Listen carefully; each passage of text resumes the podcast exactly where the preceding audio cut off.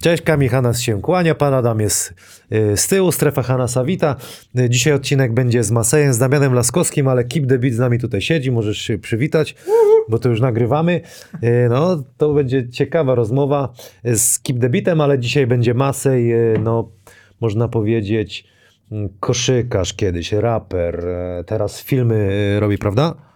Teraz robi filmy, produkuje y, teledyski, także bardzo ciekawa y, rozmowa, jak wspomniałem y, w, tej gadce z, z Damianem, że on trochę wyprzedził czasy. On był taki, taki właśnie na wzór trochę Iversona, chciał być dużo crossów jeden na jeden, danki robił, a trenerom się kiedyś to nie podobało i dzisiaj prawdopodobnie by sobie jeszcze gdzieś tam dalej zaszedł, choć i tak sporo mu się udało. Dużo o muzyce, dużo o rapie, o jego hymnach polskiej koszykówki, basketball 1, basketball 2. Namawiałem go na basketball 3, ty prawdopodobnie też chyba, nie? Oczywiście. Yy, także taka rozmowa będzie dzisiaj dla Was, dosyć długa. Pytania od kibiców, też było ich sporo. No i jak zwykle typer yy, e-winner, zakłady bukmacherskie. Yy, King Szczecin kontra Pszczółka Start Lublin. Yy, Ten mecz będzie 7 yy, lutego. I BM, Arget BM Slam Stal Ostrów Wielkopolski kontra Legia Warszawa. Tutaj Radosław Chyży bardzo się uniósł, zaczął aż walić normalnie zeszytem w, w stół, także to zobaczycie. Możecie pisać w komentarzach zwycięzców tych meczów. Jeżeli uda Wam się, to dostaniecie bonus od Ewinera i możecie przez kontakt na, na Facebooku Strefa Hanasa albo kamileczku13yahoo.com yy, wtedy jak wygracie, napiszcie i, i wtedy załatwimy Wam taki bonus. Yy, Panie Adamie, yy, coś jeszcze do tych meczyków dodamy? Zapraszamy? Zapraszamy. Radosław zrobił placki ziemniaczane, które przegrał i zobaczycie o co się założyliśmy teraz. Ewiner za... Co? Stadion. Co stadion? Jesteśmy na stadionie. A nie, no jesteśmy na stadionie, ale jak przegram teraz, bo założyliśmy się o to, że będziemy biegać wokół stadionu. Zakłady bukmacherskie Winner, bez was by się to nie odbyło. Dziękujemy, że jesteście z nami. Lok 7 i Kapela de Bullseye zrobiła dla nas czołówkę. I zaraz na koniec y, podcastu z Masejem, y, z Damianem Laskowskim usłyszycie ich y, klip. Spalding Sports.pro.pl y, są z nami. Timeout, autoryzowany sklep marki Champion. Będziecie sobie mogli e, też kupić e, tam rzeczy. E, takie krzesełko Diablo. Czers, ty też masz takie, jak fajnie się siedzi na nich? Jest Diablo? Rewelacja, nie? Bez tego. Czemu? Panu Czemu? Adamowi też to nie pasuje. A mi jakoś tak za bardzo. Jakby się tak wywalić, kurde, to jest rewelacja. Pyk. Co jeszcze mamy, panie Adamie? Sports Medic, możecie sobie y, zrobić badanie EKG. Można sobie, kolana musisz, możesz sobie sprawdzić w centrum medycznym Sports Medic. Kod słuchaj, 10% zniżki, to możesz y, przed wyjściem y, w teren sobie sprawdzić. To piękne studio mamy na stadionie Wrocław. Dziękujemy, że może, możemy być. Czy coś jeszcze? Koszuleczki takie Stefanasa, czy takie jak tutaj goście dostają ja Jordan, możecie kupować na Prejzie. Także zapraszamy na odcinek. Witamy w typerze Ewinera 25. Kolej, kolejki EBL.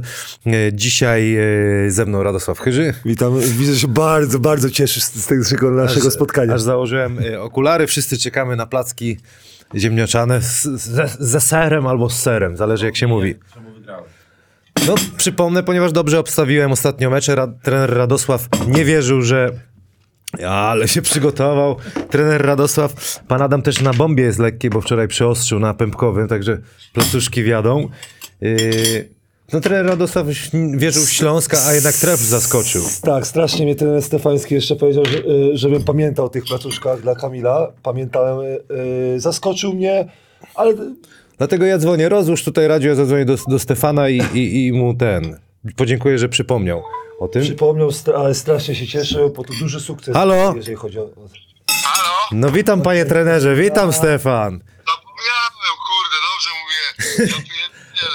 Radziu, Radziu, właśnie, Radziu właśnie nakłada placuszki, jesteś na wizji, także dziękuję ci bardzo, że, że ten, że wygrałeś ten meczyk. Żywo już leci, czy to jakoś wytniesz? To leci, leci, leci, nie wycinam, jest bardzo dobrze. On słuchaj, nakłada zaraz, zaraz Ej, ty się cieszysz, gratulacje dla ciebie, naprawdę gratulacje. Z takim przeciwnikiem wygrać, zobacz. Radio, a wczoraj jak obstawiłeś Ostrym ze Śląskiem? Eee, też źle, rozumiesz? Wiesz co, nie znam się na tym. Powiem ci, że ha hazard nie dla mnie. Wiesz o tym, że hazard przez 20 lat niczemu dobremu nie służył w moim życiu. Rozumiesz? No to pamiętam te wspaniałe czasy, jak graliśmy we Wrocławiu. Hazard na mnie służył. Nie służy, nie? No to, Słuchaj, no znowu źle obstawił? no, na to wychodzi. Teraz mamy dzisiaj King y, Lublin Dobrze, i... ja, ja, os- ja, jak, powiedz- ty, jak ty no właśnie, Dobra. Szczecin Lublin, kto wygra? Kto wygra? Szczecin Lublin. Znaczy, ja jestem nieobiektywny, bo, No. bo ja e, rywalizuję z nimi o playoffy. No. No nie, nie, no to, to, ej, to możesz powiedzieć. Nie wiem, co by było lepsze dla mnie. Może, żeby lepiej chyba, żeby King przegrał. No, Dobrze, pszczółka. Lepiej, natomiast lepiej, żebym ja wygrywał. No. No to wiem, no dobrze, no to stawiasz na pszczółkę, a Ostrów z Legią? Ostrów z Legią? No, to ch- chyba bardziej... Ostrów chyba w końcu się odbije, czy nie? No też, ja też tak, ja też tak będę szedł z tym Nie, kierunkiem. czeka na tref, czeka na tref. No dobra, Stefan, dziękuję ci bardzo. y, Powodzonka ci życzymy. ci zdjęcie placuszków. Powodzenia w, w Gliwicach, tak? E, teraz Gliwice. tak. Trzymamy kciuki. No to w Stefan. domu, u siebie, chłopie. Ty, to cała rodzina przyjdzie. To... Sweet home. Sweet Home, Alabama, Gliwice. Trzy... Trzymaj się. Na razie. Trzymajcie się na razie. Dzięki. Dobrze, i, i ta, tak się je, proszę, pa, panie Adamie, tak się je y, w, na Kujawach. Moja mama mnie tego nauczyła, moja babcia mnie tego nauczyła. Y, Zawsze się zastanawiałem y, i wszędzie mówię w Polsce, że placuszki ziemniaczane je się z serem białym, a wszyscy mówią mi co? Nic. Ale bardzo, Bardzo- dobre są. Miałeś zdjęcie zrobić Stefanowi. Bardzo, bardzo dobre. Bardzo dobre. Radziu, ja cię wypuszczam. King Szczecin, Pszczółka, Start Lublin. Proszę bardzo. Wiesz co, y, z- zawsze y, mam jakiś temat na, na program, nie? Dzisiaj jest to y, trenerzy. Trenerzy, dlatego że, że czasami kibice, kibice i, i właściciele klubów myślą o tym, że y, każdy może poprowadzić. Wiesz, y, każdy myśli, że tak, y, nieważne czy to będzie pan Zdzisław, Stefan, czy inny, inny pan poprowadzi dobry zespół, y, wystarczy dobrych zawodników. Nie, to jest nieprawda. Czasami, czasami jest potrzebny trener w większości sytuacji. I mamy King y, Szczecin. Zmiana trenera spowodowała to, że grają bardzo, bardzo dobrze. Ja się zastanawiałem, dlaczego oni grają tak dobrze. Nie, oglądałem dwa spotkania Kinga Szczecin. Oglądałem mecz z Ostrowem i mecz ze Spójnią. I z, przepraszam, trzy, z Anwilem. I zmiana zawodników podejścia to jest niewiarygodna. Ja się zastanawiam, dlaczego nie mogli z, z trenerem Bielą tak grać. E, Nie, nie będziemy wnikać. Wiesz, co mi się najbardziej podobało u nich? E, nacisk na zawodnika. To, co grają agresywnie, to jest niewiarygodne, jak, jak, jak zespoły nie mogą sobie poradzić. To jest taka, nie mówię, że hiszpańska szkoła, tylko że, że tam jest y, zawodnicy obwodowi. Brown, War, Szenk, Wilczek, Zemski Mogą to robić, nie? mogą to robić, ale to tak do krtani. Ale to Zemski mówił w wywiadzie pomeczowym właśnie po, po ostatniej wygranej, że, że trener y, lepszą drużynę każe naciskać, a tych słabszych to jeszcze podwajać. i- Podwajać, tak. I, I to jest niewiarygodne, bo ja ci teraz przedstawię. Wi- To, co oni zmusili, bo oni wygrali e, z siedmiu spotkań sześć, e, mają bilans e, 14-10, czyli pamiętamy w jakiej ciężkiej sytuacji trener e, Ramirez e, objął, to przegrali tylko za Stalem. Ale ostatnie mecze z Ostrowem, Ostrów miał 25 strat, Polfarma 20, Aseko 22, Anvil 16, Spójnia 15. I teraz tak, oni wymuszają e, dużo strat, dużo przechwytują, a wiesz co jest najśmieszniejsze, mają przechwytów w ostatnich meczach 13, 14, 13, 7, 12. Ten nacisk jest niewiarygodny, niewiarygodny. Ma, ma, są na trzecim miejscu, jeżeli chodzi o przechwyty. Bardzo słabo rzucają e, za trzy, bo jest 15 miejsce. I czym wygrywają? Właśnie tym naciskiem, tym szybkim atakiem, ale wymuszaniem, że, że przeciwnicy, przeciwnicy się gubią. To, co Anwil się pogubił, to, co Ostrów się pogubił, to było niewiarygodne. Bo czwarta kwarta Ostrowa była, była e, już dobra, Kinga była słaba, ale ten sam, no wiadomo, ktoś powie, no ale trener Ramirez zmienił dwóch zawodników, dodał i tak dalej, ale jak to poukładał? Bo jakie miałem pretensje zawsze do, do e, Kinga? Chodziło o tego biednego Szenka. No dobry zawodnik, tylko za dużo było e, piłki w jego rękach. A teraz na przykład tak, stracił na tym, e, bo trener zrobił porządek. I to mi się podoba u trenera, że ja wierzę w porządek. Czyli przychodzisz do zespołu, określasz sobie, kto jest dobry, kto jest słaby I robisz to, co najlepiej umiesz. I to, co e, umiesz najlepiej. Jak ja patrzyłem na przykład e, na niektórych zawodników w Kingach, to oni sobie robili to, co oni chcieli. A teraz jest porządek. Jest porządek, jest Melvin, który jest e, najlepszym zawodnikiem i gra, gra najlepiej, a reszta zawodników pomaga. Przyjście Lampę w jednym meczu pokazał swoją klasę, w innych i każdy myślał, no dobra, jak Lampę przyjdzie, nawet o tym rozmawialiśmy, jak Lampę przyjdzie, to, to będzie wszystko lepiej, ale oni bez Lampy wygrywają. To też Od- świadczy, no. Wiadomo, wiadomo, ktoś powie, a Seko y, to bez lampy to y, my, my, my byśmy wygrali. No nie, przesadziłem. e, ale jest Polfarma, i, ale, ale z Ostrowem to już był y, dobry, do, dobry basket. I teraz jeszcze, jeszcze y, chciałem powiedzieć, bo dzisiaj też będę mówił o obronie, że ci trenerzy, dobrzy trenerzy, zwracają uwagę y, na obronę. Zawodnicy robią to, co powiedziałeś o Zemski. Oni robią to, co ten dobry y, trener chce. Dlatego ja mówię, ja jeszcze się nie mienię dobrym trenerem, bo ja proszę o to, żeby zespół bronił, albo proszę, żeby robił pewne rzeczy, a zespół nie robi. Y, na zespole trzeba to wymusić. Jeżeli chodzi o obronę, to jest zesp zespoły z pierwszej y, siódemki, one odstają od spójni, na przykład, która jest ósma.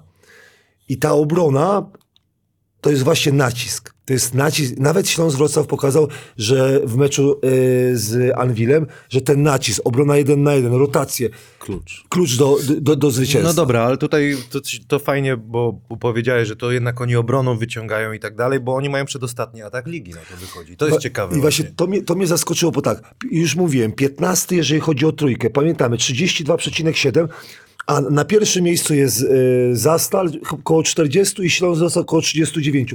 Jak oni to, to robią?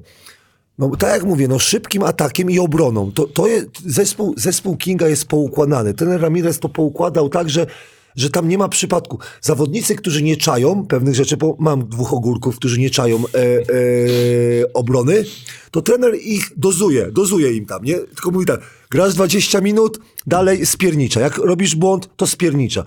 I e, ten zespół świetnie funkcjonuje. Tylko jest pytanie, czy to nie jest akurat miesiąc miodowy. Pamiętasz, jak nazywamy miesiąc miodowy, że, że zawodnicy się poddali trenerowi, bo dostają pieniądze, głupio im było przed e, prezesem, e, to zaczynamy dobrze grać. Ale świetnie się ogląda Szczecin i, i dużo, dużo rzeczy się nauczyłem od trenera Ramireza. Po, tak, tak jak mówię, y, na pewno z, za chwilę zespoły zaczną lepiej grać przeciwko y, Kingowi. Po, y, popatrzą, gdzie mają braki, ale na ten czas to jest e, e, zespół, który gra e, najfajniejszą koszykówkę. No obrona to jest taka, że ty nie zeskautujesz, bo to wiesz, obrona to trzeba Tak, mieć tak, tak. ciało, trzeba bronić, Do, chcieć. no, no dobra, a w jaki sposób można, można jak oni grają agresywnie, trochę Anvil próbował, no dobrze, daj, daj na faule Zemskiego, nie? Żeby spadł na, za faulę. Zdaj na przykład tego agresywnego i wtedy ta agresywność się zmniejsza. Ja uważam, że, że przeciwko Kingom Szczecin trzeba grać taktycznie, czyli na, przykład na początku ściągnąć ich za faulę, a później oni już nie mają kim grać.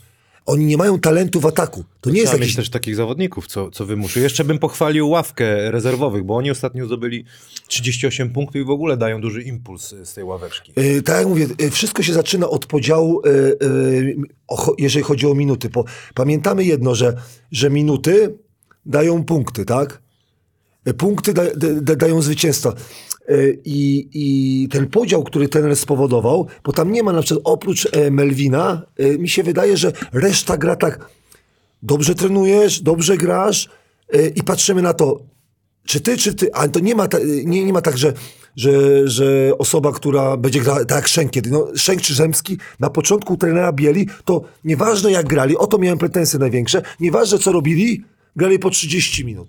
A teraz nie ma tak. Teraz na przykład Wilczek wchodzi w ostatnich dwóch spotkaniach, bardzo ważny, dwa mecze po 23 minuty, bardzo dobre. I nie ma czegoś takiego, że, że, że Szenk musi grać, bo jest reprezentantem. Albo, że Zemski na przykład, bo ja nie, nie jestem fanem akurat y, za mocno talentu Zemskiego, że Zemski pięknie wygląda, do, wiesz, nie, no przecież on był dziurą, jeżeli chodzi o atak i dlatego Wilczek y, czasami lepiej pasuje. No ale zrobię wielki... Przejdźmy do pszczółki Start Lublin, y, a wypuszczę Kamila Łączyńskiego, którego ty często bardzo pokazujesz, że on tak robi, tak robi. Rozmawiałem y, z nim, powiedziałem, nagraj mi coś, ale Radek będzie mówił, że tam cały czas rękoma pokazuje, nie? Uwaga, posłuchajmy. Kamil Łączyński. Ostatnio mamy słabsze serie. Przegraliśmy w Saragosie, przegraliśmy mecz y, e, we Wrocławiu ze Śląskiem Wrocław, przegraliśmy również y, z, z Gliwiczanami i ten mecz z Gliwiczanami właśnie Był w bardzo słabym stylu, tak jak jeszcze dwie po, po, porażki poprzednie można było zrozumieć. Graliśmy naprawdę z dobrymi ekipami i dwa razy na wyjeździe. Tak ta porażka z GTK no boli, bo styl był fatalny i myślę, że e, nie o samą skuteczność mi chodzi, ale, ale tutaj jak oglądaliśmy, analizowaliśmy e, ten pojedynek, to po prostu popełnialiśmy błędy. E, Błędy takie, jakbyśmy się dosłownie dzień przed meczem spotkali na pogrywkę i, i, i, nie byli ze sobą już od dłuższego czasu.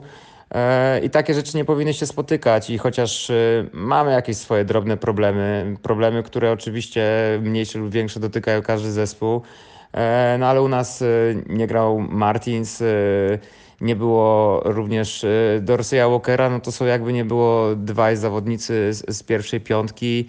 E, Wciąż staram się zaadoptować do gry e, Devina Sersiego, Tomasa Davisa. No nie jest to wszystko, nie jest to wszystko łatwe. Tomas e, łata dziury na każdej pozycji i to też też na pewno nie sprzyja w jakiejś szybkiej aklimatyzacji w zespole, ale tutaj też nie możemy szukać wymówek.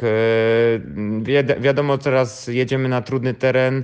E, My będziemy grali w Szczecinie, a nie w Stargardzie, więc e, Szczecinianie będą, będą grali naprawdę u siebie i, i są super mocni i to, i to pokazują ostatnie mecze.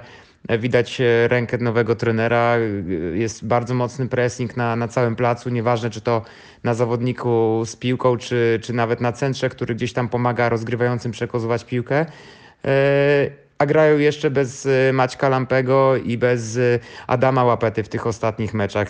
Tak czy inaczej pokazują, że, że potrafią i, i, naprawdę myślę, że oni powinni być bardzo e, wysoko przed playoffami, bo, bo teraz mają serię gier na własnym e, boisku. Zobaczymy, no. nie spuszczamy głowy, na pewno chcemy się zrewanżować. Z, z, nie zrewanżować, tylko chcemy się odkupić e, troszkę po tym ostatnim meczu e, e, właśnie w domu z GTK i, i zobaczymy, czy nam się uda. No, mamy jakiś tam plan, mamy jakieś założenia, nad którymi już teraz pracujemy. Mam nadzieję, że realizacja ich będzie dużo lepsza niż e, w tym ostatnim meczu, bo, nie zawsze to, co się tam gdzieś w tym meeting roomie e, robi, to potem jest e, przekładane na boisko. Także koncentracja w założeniach plus skuteczność, która mam nadzieję, że wróci.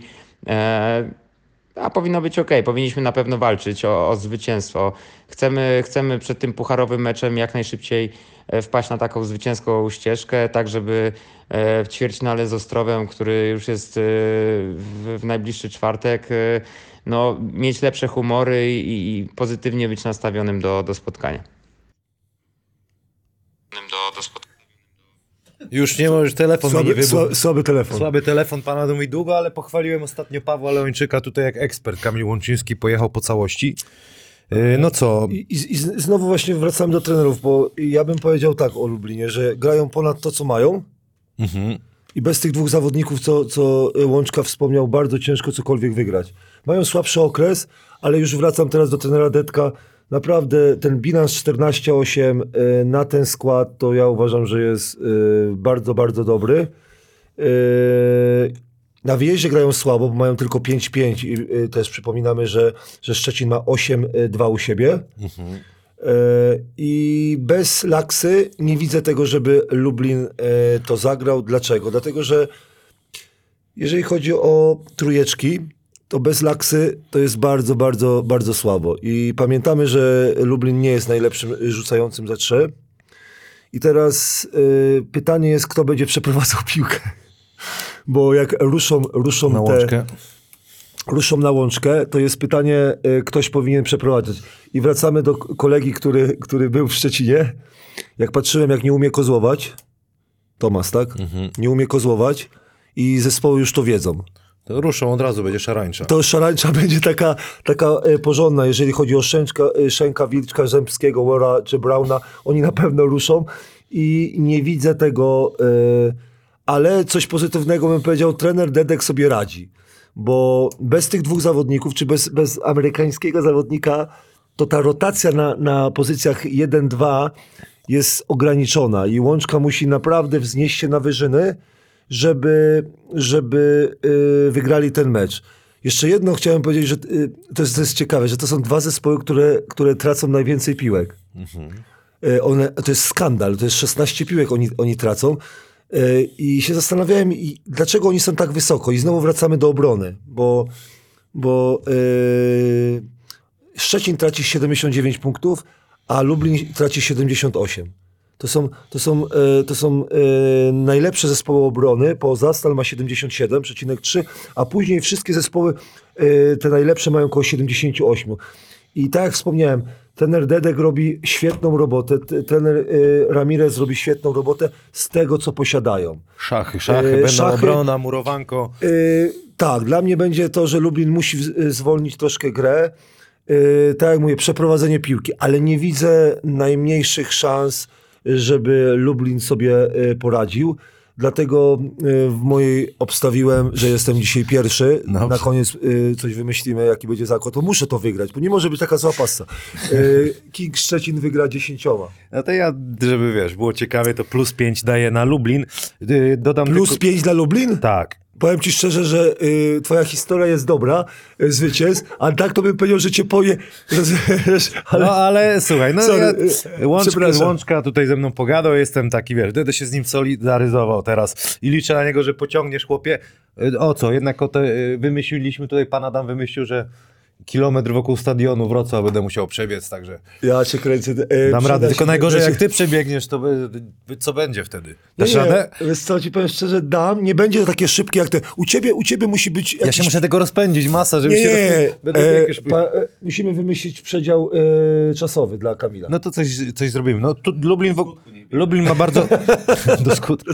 Lublin ma bardzo trudny terminarz, bo jeszcze mają dwa mecze Tak, zaległe, pięć tak, wyjazdów, tak. u siebie Stelmet, no. Nie, nie, nie. Dlatego mówię, że, że ten bilans jest bardzo dobry, ale on może być gorszy. Dla, y, dlatego na miejscu tenera Detka bym się przygotowywał już do playoffów, Mhm. bo, bo jednak, jednak uratować to dobre miejsce, które było y, przed tymi trzema porażkami, bo przypo, przypomnijmy, przed tymi trzema porażkami było 13-5. To byli na drugim miejscu i teraz y, z Gliwicami to był nie, nie, nie, nie, nieplanowana, a ze Śląskiem, ze, z Ostrowem może planowana. Dlatego ciężkie chwile dla trenera Detka, ale dob- moim zdaniem sobie poradzi. No dobra, ja mówię trener. plus 5 Lublin, ty jeszcze raz. E, plus 10 Szczecin. plus 10 Szczecin. Y, Możecie obstawiać te mecze. y, Trzeba, y, jeszcze będzie drugi mecz, Ostrów, Legia Warszawa, ale jak obstawiacie mecze, trzeba podać wygranych. 10 najszybszych osób otrzymuje bonus od Ewinera. Po wygrane strefa Hanasa, Facebook albo Kamileczku 13 Yahoo. A miałem ciekawą, ci- grałem ostatnio z Zastalem Zielona Góra i przychodzi zawodnik, mówi oglądam pana. Ja mówię dziękuję, dziękuję, tylko pamiętaj nie graj, nie? Bo był młody, nie? A, to jednak, widzisz, czyli coś tam chłopaki Oglądają. E, oglądają, oglądają te nasze e, e, rozmowy. Następny mecz też 7 lutego e, Arget BM Slamstal, Ostrów Wielkopolski, Legia Warszawa. No Ostrów druga porażka z rzędu, no i trudny mecz z Legią. Trener Kamiński na pewno e, jak to się mówi, napnie się, a, a chłopaki tam lubią sobie w ataku pograć. Znaczy, wiesz co, ja jestem wredny troszkę, y, mocno jestem wredny. Powi- jak widziałem to powitanie, chyba powitanie zawodników Ostrowa po tym pucharze, tak się zastanawiałem, Mistrzostwo, tak? Czy co? nie, po tym pucharze, po, Aha, po okej. tym pucharze. Nie? Ja tak, nie widziałem, powiedz. Nie, tak mi się wydaje, bo tak nie śledzę za mocno. Tak sobie pomyślałem, że y, Stal Ostrów gra y, pod trenerem y, Miliciczem bardzo dobrze i byłem ciekawy, kiedy, wiesz, ja od razu wietrzę, kiedy, kiedy będzie, Porażka za, będzie? będzie porażka.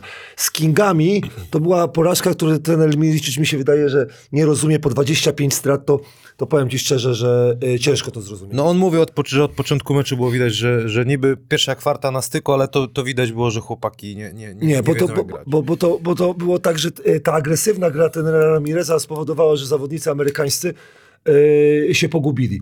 I tak, i- wiesz, jak przychodzimy na ten mecz, wczoraj oglądałem ten mecz, mówię, że Śląskim, że, że Ostrów zacznie grać. Nie? Jak popatrzyłem, że jest to samo, jest takie niechlujstwo w tych amerykańskich zawodnikach i tak ja mówię, bo, bo dzisiaj właśnie powiedziałem, że będę podziwiał trenerów. Już o dwóch powiedziałem, że sobie naprawdę dobrze radzą. Jak wczoraj patrzyłem na trenera Milicicza, mówię, dla mnie to jest, jest bohater tego meczu.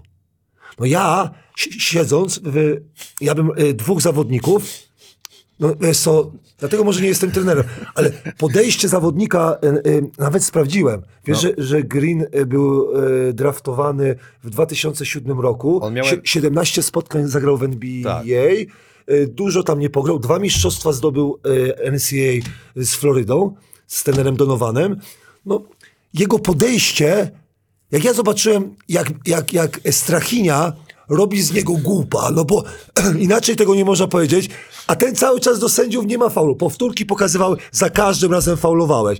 Strachinia na przykład e, ostatnie sekundy i o, w prawą stronę, a on tak, fauluje go, a on sobie wolno. On go otworzył.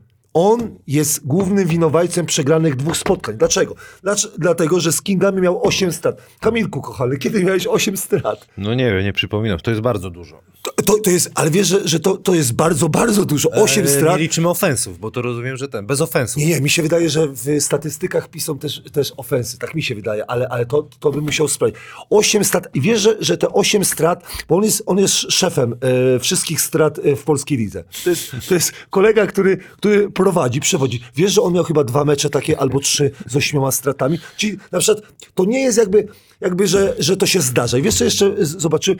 On nie rozumie. Wiesz, wiesz, co mnie najbardziej wkurzyło? Ja bym mu tak pokazał tak... Ja mówię tak, nie rozumiesz, jaki jesteś ważny dla tego zespołu. Ja bym mu pokazał, pokazał jedną, jedną statystykę, zobacz. Aż mi się przypomniało, jak w Kolonii, żeś tam jechał z nami. No dawaj statystykę. Dobrze, statystykę, bo rozumiesz, o, tydzień temu była matematyka, nie? No. Dzisiaj jest polski. Ja powiedziałem tak, zobacz, Angielski. liczby, nie, liczby, liczby, kolego, kolego, powiedział, z ośmiu meczach z dziewięciu plus minus miał na minus. Wiesz, co się stało z tych ośmiu z dziewięciu spotkań? Przegrana zespołu Ostrowa. Rozumiesz, on jest tak ważny. On nie rozumie, że jego dobra gra, jego dobra gra powoduje, że zespół wygrywa. Jego podejście, wczoraj było 5 fauli w 13 minut. Jak sfaulował piątym razem i pamiętaj, przegrali jednym, jakby nie był techniczny, to by był zero. Ja myślę, że mu trener Milicic wytnie tą twoją pogawędkę, nie będzie musiał... Słuchaj, Patrzę na jego twarz i on mówi tak, nie faulowałem, nie faulowałem. Powtóreczka, ręka, rozumiesz, zrobił go na takie tanie numery, Serb go zrobił na takie numery, ja się pytam, Wiesz co, ja, wiesz co ja bym powiedział? Wiesz co, wsadź sobie do kosza te mistrzostwa na uniwersytecie, wsadź sobie swoją karierę, jak, jak by, byle gość z Bałkan, który nigdy nie grał w, e, jak, gdzie on nie grał, w, w Lidze Bałkańskiej, czy jak on się tam nazywa, nigdzie nie grał, on robi z ciebie... Ty, a ty dla Ostrowa pracujesz? Tak się... Komu? Bo musiałeś coś obstawić na Ostrów chyba. Nie, nie chodzi o to. Chodzi mi o to, o to że zawodnicy, Masz wiesz co mnie wkurza? Mnie wkurza, że ten Milicic się lepiej zachował niż ja. Ja w trzeciej lidze żyję tym, tym meczem. Może go zje dzisiaj na wideo wieczorem. Masz rację, ale spokój tenera Milicicza. A wie, wiesz co, bo a, oglądałeś meczyk? I zawodnik, drugi amerykański zawodnik, co zrobił? Yy, przechwycił piłkę w trzeciej kwarcie, tak? Przechwycił piłkę, zrobił sobie dwa kozły, znaczy dwa kroki, kozioł, zrobił sobie krok i rzucił. I mówi tak, ja mówię, no jak nie znasz przepisów, to nie powinieneś wychodzić na parkiet. Z tego Śląsk zrobił alejupa. I zobacz, i trener musi to, to jeść. Dlaczego o tym wspominam? Że, że jestem pełen podziwu dla trenera Milicicza, jak se zniósł tą porażkę. Naprawdę, godnie. Ja bym godnie tak nie zniósł tej porażki. Bo mnie to najbardziej denerwuje, że po twarzach zawodników, pamiętasz jak było y, w Leśnie, najbardziej się wkurzałem, jak daliście z siebie wszystko i w, na twarzach, bo, a najgorzej na twarzach było tak, ja coś mówię do was, a wy tak patrzycie na mnie i mówię tak, co ten rudy ch- z- pierd... Rozumiesz? Ale tak jest, ale wiesz, trener Milicic już też doświadczenie wielkie wie o tym, że musi z nimi pracować do końca, nie może nie chce wojować. Dobrze, tylko, tylko jeszcze zatrudnianie takich zawodników, którzy mieli wielką karierę, wielką karierę i tak dalej, to, to, to ej, ale muszą coś pokazać. I teraz druga sytuacja. E, te puchary, dużo treningów i tak dalej, dalej. zmęczenie. Zmęczenie. No, e, mu- muszę powiedzieć, że, że King wyglądał lepiej od e, Ostrowa. Nie wiem, kto przygotowuje e, Ostrów. Śląsk wiem, kto przygotował. No, Artur Pacek, A, jak? Przepraszam. Pan E, mówi, że do brzegu musi a e, Śląsk e, bardzo dobrze wyglądał fizycznie.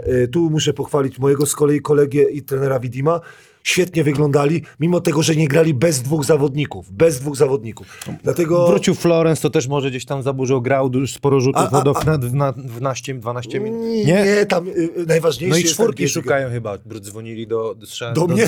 Do Arona, jakbyś jeszcze grał, to do Arona Cela pojawiła się postać Tomka Gielo. Masz, ra- ma, masz rację, wzmocnienia będą, ale ciekawsze jest dla mnie Legia. No właśnie. No i jak to? E, Dla mnie ciekawsza jest Legia, dlatego że trener Kamiński jest dla mnie wzorem. W jaki sposób można sobie ogarnąć polską ligę, e, nie kombinując dużo. I zobacz, e, bo chodzi o transfery. Zobacz, jakie transfery trener Kamiński. Mi się podoba. Bo, Przejmują wszystkich. Ale- i, nie, i, I oni funkcjonują nagle w To- Legii. No, potrafi ich wykorzystać. ale, ale we, we Francji było tak, że jak gość dobrze gra w słabym zespole, to co robi dobry zespół? Go po, podpisuje kontrakt. W Polsce tego nie ma. Mówi tak, o, ty w słabym zespole możesz Tak. grać. Rozumiesz? U nas było we Francji tak, że w, w Pro B zawodnik grał 20 punktów. On mówi tak, przyjdziesz do Pro A z przyjemnością. Daj, zapłacicie mi, zapłać. A będziesz robił gdzieś koło 20? Eee, tam ze spokojem. Rozumiesz? I mamy na przykład Bibinsa. Przychodzi 18 punktów, sprzedany. Jedziemy. E, trener Dedek nie chciał e, Medforda, przychodzi 16 punktów. Nil, oczywiście e, e, dobry przechwyt z e, Rosy Radą trafiony. I teraz patrzymy. Ile znaczy zaufanie? I teraz, teraz wracam do tego. Ja, ja, ja, ja uwielbiam trenera Kamińskiego, że zawodnicy grają e, bardzo dobrze, mają minuty, bo wiesz o co chodzi z Medfordem. Wiesz, że Medford ma takie same statystyki jak w, e, w Lublinie, tylko chodzi o to, że gra dłużej. Że tam było brak, jakby od zawodnika wymagali od razu trener Dedek szybko, tu, tu. Medford się dobrze czuje też e, u trenera Kamińskiego, bo może sobie porzucać. A u trenera Dedka to rzucanie było tak, wiesz, spokojnie, poczekaj, popatrz co się dzieje, yy, nakarm troszkę kolegów. A co robi w, w, w Legii Warszawa? No, do, trafił dwóch innych trenerów zupełnie. Dokładnie, może sobie porzucać i tak dalej. I to rzucanie jest niewiarygodne, niewiarygodne, jeżeli chodzi o Medforda i e, chodzi o, o Morisa. Dla mnie to są zawodnicy e, jedni z najlepszych e, w polskiej e, lidze. I zobaczcie, ale też mają troszkę obniżkę formy, bo e, grali z Polfarmą, wiadomo, e, ledwo, ledwo to, to, troszkę tam e, mieli problemy. Za Seko też wygrali mimo tego, że, że Aseko wiadomo z samymi Polakami i przegrali za Storią. I co moje statystyki ulubione mówią? Że Legia musi wygrać, jak trafia trójki. Jak, jak, jak Tak. trafiła trójki z Polfarą 13, wygrali. Y, Bardzo dobry procent y, za Seko 9,25, ale już za Storią 6 trójek y, procent poniżej 30 i za Stalem 8 trójek poniżej 30. Ze Spójnią 13 trójek trafili, z Arwilem 14. Jak trafiają trójki, i teraz wracamy mój temat, jak, jak się przygotowywałem, to mówię tak, pójdę, bo muszę jakiś żart powiedzieć, żeby ludzie to oglądali, nie? Powiedziałem tak. Na pewno. E, e, ogłoszenia, ogłoszenia parafialne. Kolego Kulka, kolego Wyka, proszę, jak nie umiecie rzucać, to nie rzucajcie. A jak e, chcecie rzucać, to idźcie, idźcie e, poćwiczyć e, rzuty za trzy na salę. Sala jest otwarta na Bemowie, e, dam klucze, naprawdę, to jest niewiarygodne, jak zawodnicy ekstraklasy. Kamil, Kamil, naprawdę. Jedziesz, mógłby- jedziesz, mógł-. Kamil, mógłbyś grać na czwórce ze spokojem, ze swoją wagą, No na bank, tylko wiesz, w obronie, po a- switchu nie, nie. Bez switcha byś grał. Ze switchem byś grał. Ze switchem. Ka- Kamilu, Kamilu, kulka, biedaczysko 27,5%. Skandal. Mój, mój kolega Mirosław poszedł, e, przyszedł na Siechnicę na, na, na trening. Jest to z 10, 10 metra ze spokojem. Ja ze spokojem sobie rzucam. 27%, wyka 27,4%. No panowie, no nie da się grać. Chcecie być czwórkami, tak? Rzucającymi zawodnikami. Albo nie rzucajcie, albo podświćcie te rzuty. No, trener Kamiński... I, I teraz mówię, i, i za to lubię trenera Kamińskiego. Zobaczył, znaczy ciężko nie zobaczyć e, tych nietrafionych rzutów kulki. I mówię, że, o, bo to ci, za przeproszeniem, jebie grę. Rozumiesz? No. Go, czwórka stojąca na obwodzie, on stoi się mienisz rzucającym, rozumiesz? I masz problem wtedy w ataku. No ale to idziesz, rzucasz piłę i handoff albo ale to, to, ale to trzeba umieć grać w kosza. Ale no, to, to, to trzeba umieć grać w kosza. Od razu. No, do, do, dobrze. I, do czego zmierzam? Sprowadzenie Lichodieja. No ja cię, mistrzowski ruch. No bo przechwyt, kolejny. Ale kolejny, ale jaki przechwyt? Zobacz, Lichodiej ma 46% no za właśnie, trzy. wiedział czego Czego potrzebuję? rozumiesz? Czyli ja nie jestem taki mądry. Ale a dobrze, przepraszam. Nie, e, jak, jak e, e, zawodnik e, Kulka albo Wyka się obrażą, No bo oni powiedzą, ale my bardzo trenerzy dużo rzucamy, tylko wiesz. no to, no to, to trzeba zmienić dyscyplinę. Jezu. Jak się nie nadajesz... Słuchaj, ej, ej, ej, ja, ja mam lustro, e, ja mam lustro Ja też wiem, że ważę z parę kilo za ale, nie, dużo. ale, ale jak patrzę i mówię tak, Radosławie, są trenerzy, z którymi, z którymi przegrywasz. Widocznie się nie nadajesz na trenerkę. Tak samo, jak masz 27%, naprawdę 27%, no przecież ta Legia gra fajną koszykówkę, tylko jak piłka idzie do tych zawodników, to oni to. I, i że, żebym taki nie był. kie, kiedy na przykład zespół wygrał z Anwilem? Kiedy Wyka trafił dwie trójeczki na końcu. W ostatnich dwóch minutach było na remisie. Ten Frasutkiewicz już myślał, że już ma, a Wyka wyciągnął strzałę. Fiu. No mu, a Wyka akurat musi się ogarnąć. Ale mi się wydaje, że ten, ten e, fajnie e, Kamiński, bo wiesz co wtedy Kamiński, rozmawiał z nimi, dawał im piłkę, podawał im piłkę, rozumiesz, i tak dalej. E, wtedy, i tak dalej. E, kibice przychodzili, kolegi, ale potem powiedział, okej, nie chcecie tak? To ja wam sprowadzę lichodyja i teraz, O, tak. i teraz zobaczymy, od teraz zobaczymy, ile wyka i kulka będą od dzisiejszego spotkania, czy to od tego spotkania zobaczymy, ile będą. To co, Jak, nie, jak Lichodiej zacznie grać, ja jeszcze nie wierzę w to, że zacznie grać, ale jak ogarną się y, moi dwaj koledzy 27%, to Legia może naprawdę zamieszać w tym sezonie. Ale jeszcze nie w tym meczu.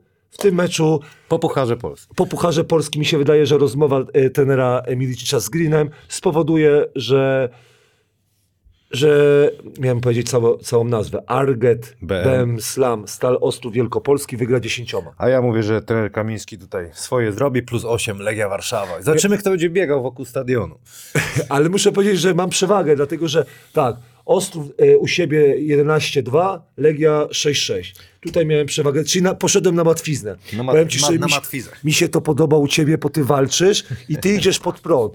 E, tak samo z Kingiem 8-2 u siebie, a Lublin 5-5. Dlatego poszedłem na matwiznę, po kursach pojechałem. Dobrze. Zapraszamy do obstawiania dwóch wygranych y, meczów. Dwu- Zwycięzców tych meczów, y, jeżeli wygracie, to bonus trafia do was 20 zł od Ewinera. Zgłaszajcie się Muszę, do mnie. ja, ja kogoś po- obraziłem, albo kogoś na przykład y, niechcąco. Naprawdę nie miałem, nie miałem takiego zamaru, zamiaru, przepraszam. Nie, no słuchaj, fajnie było. Myślę, że to będzie się bardzo. Dziękuję ci za to. Zapraszamy na odcinek z smakowały? Masejem. A smakowały? U, pyszne były, pyszne. Pan Adam to lepiej powie, bo... Jakie? Nie, one, one były delikatne, bo y, dużo mąki się nie dodaje, bo y, najgorzej w tych kupnych za dużo mąki się dodaje. Dodam tylko, że jeszcze e, za tydzień będzie jeszcze wielkie show, bo przyjeżdża do nas trener Uwalin i robimy Puchar Polski w trójkę, także będą teksty leciały, O, będzie wszystko ładnie. Specjalny odcinek na Puchar Polski e, już, już niebawem, w przyszłym tygodniu. Spokojnego. A moim gościem jest raper, były koszykarz, m.in. ówczesnej ekstraligowej Noteci Inowrocław, który nagrał z Nulo dwa hymny polskiej koszykówki o nazwie Basketball i Basketball 2. Masej Damian Laskowski, witam cię. Siemanko, żółwik.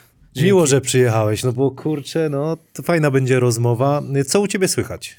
Generalnie wszystko dobrze. Generalnie, no wiesz, znamy już tutaj jedną osobę, która Generalnie all, all day, every day. nadużywa tego słowa.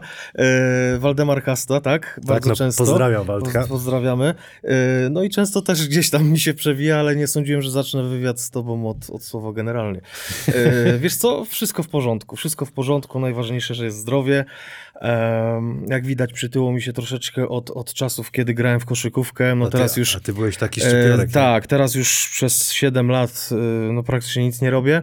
Miałem tam jakieś swoje problemy z arytmią serca i z uwagi na to lekarze, kardiolodzy no, no, nie pozwolili mi nawet tam się ruszać e, tak powiedzmy tam rekreacyjnie, więc no stąd niestety na ale kilogramy przybyły.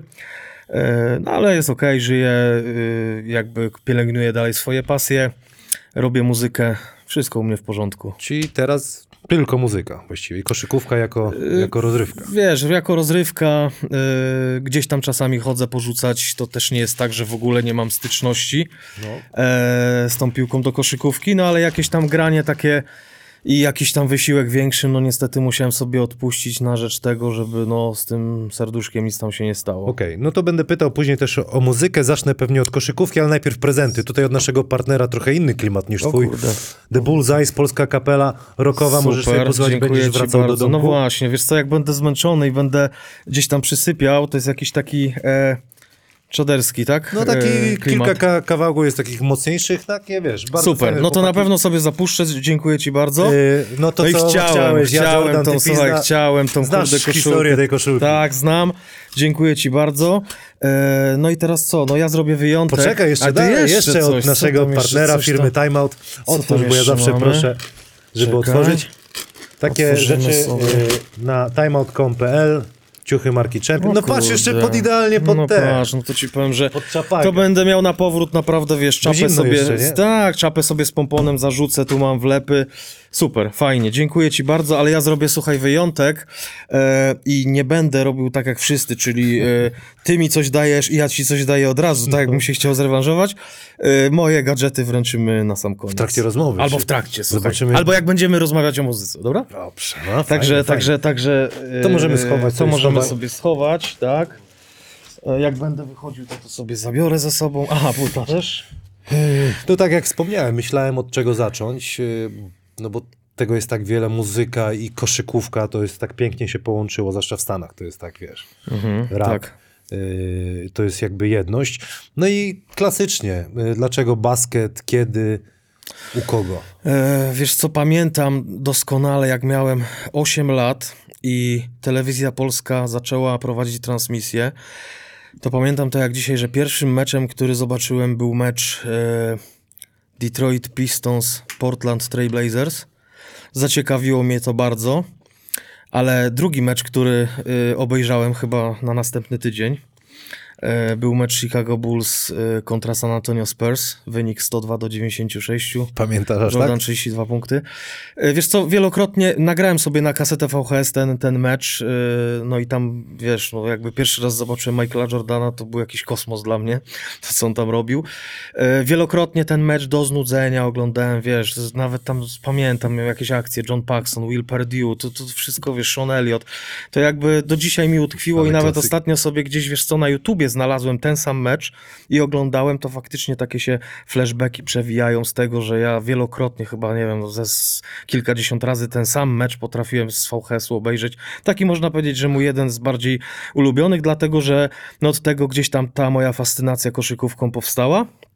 E, No i od tego czasu już wiesz, śledziłem. Potem w 92 był e, mecz All-Star, e, gdzie Magic kończył karierę. W ogóle, jak ja to zobaczyłem w telewizji, to wiesz, nie wiedziałem na początku, co to jest za mecz, bo włączyłem, nie wiedziałem o żadnych zapowiedziach, kiedyś nie było internetu, więc nikt tam, wiesz, nie, nie wrzucał newsów, że to będzie No mecz tak. gwiazd. I włączyłem mecz i, i, i zobaczyłem Jordana, Drexlera, y, Barclaya, y, Razem. Mutombo, y, wiesz, tych wszystkich zawodników i, i nie wiedziałem w ogóle, co to jest. Magica Johnsona, Isaiah Thomasa i, i generalnie, no, no wow, nie? I, I potem już wiadomo, no poszło, nie? Cały czas, że tak powiem, śledziłem, nagrywałem na kasety. Do dzisiaj gdzieś te kasety Masz VHS. Tak. Wiesz co, kiedyś ktoś mi się pytał, dlaczego tego wszystkiego nie skasuję, bo tam cała szafa jest około 60 czy 70 kaset ze starymi meczami. Nie wolno. E, tak, słuchaj, e, te, e, teraz jeszcze doszedłem do tych kaset, gdzie tam nagrywałem playoffy, finały 9-2, 9-3 rok, więc naprawdę takie czasy już, już trochę odległe, nie? A co ciekawe jest, a propos tej magii lat 90., no moi wszyscy kumple, którzy dzisiaj, no kosz był, był im bliski, ale dzisiaj się nie, nie śledzą, no te składy z lat 90. to wiesz, na pamięć wszyscy, nie? To jest tak, takie no ja też, te, też się przyznam, że, że to jest coś takiego, to jest taki syndrom, y, wiesz, generalnie nie wiem jak to określić, y, bo y, podejrzewam, że dzieciaki teraz, które mają po 8-10 lat i oglądają, wiadomo, Lebrona, Curry.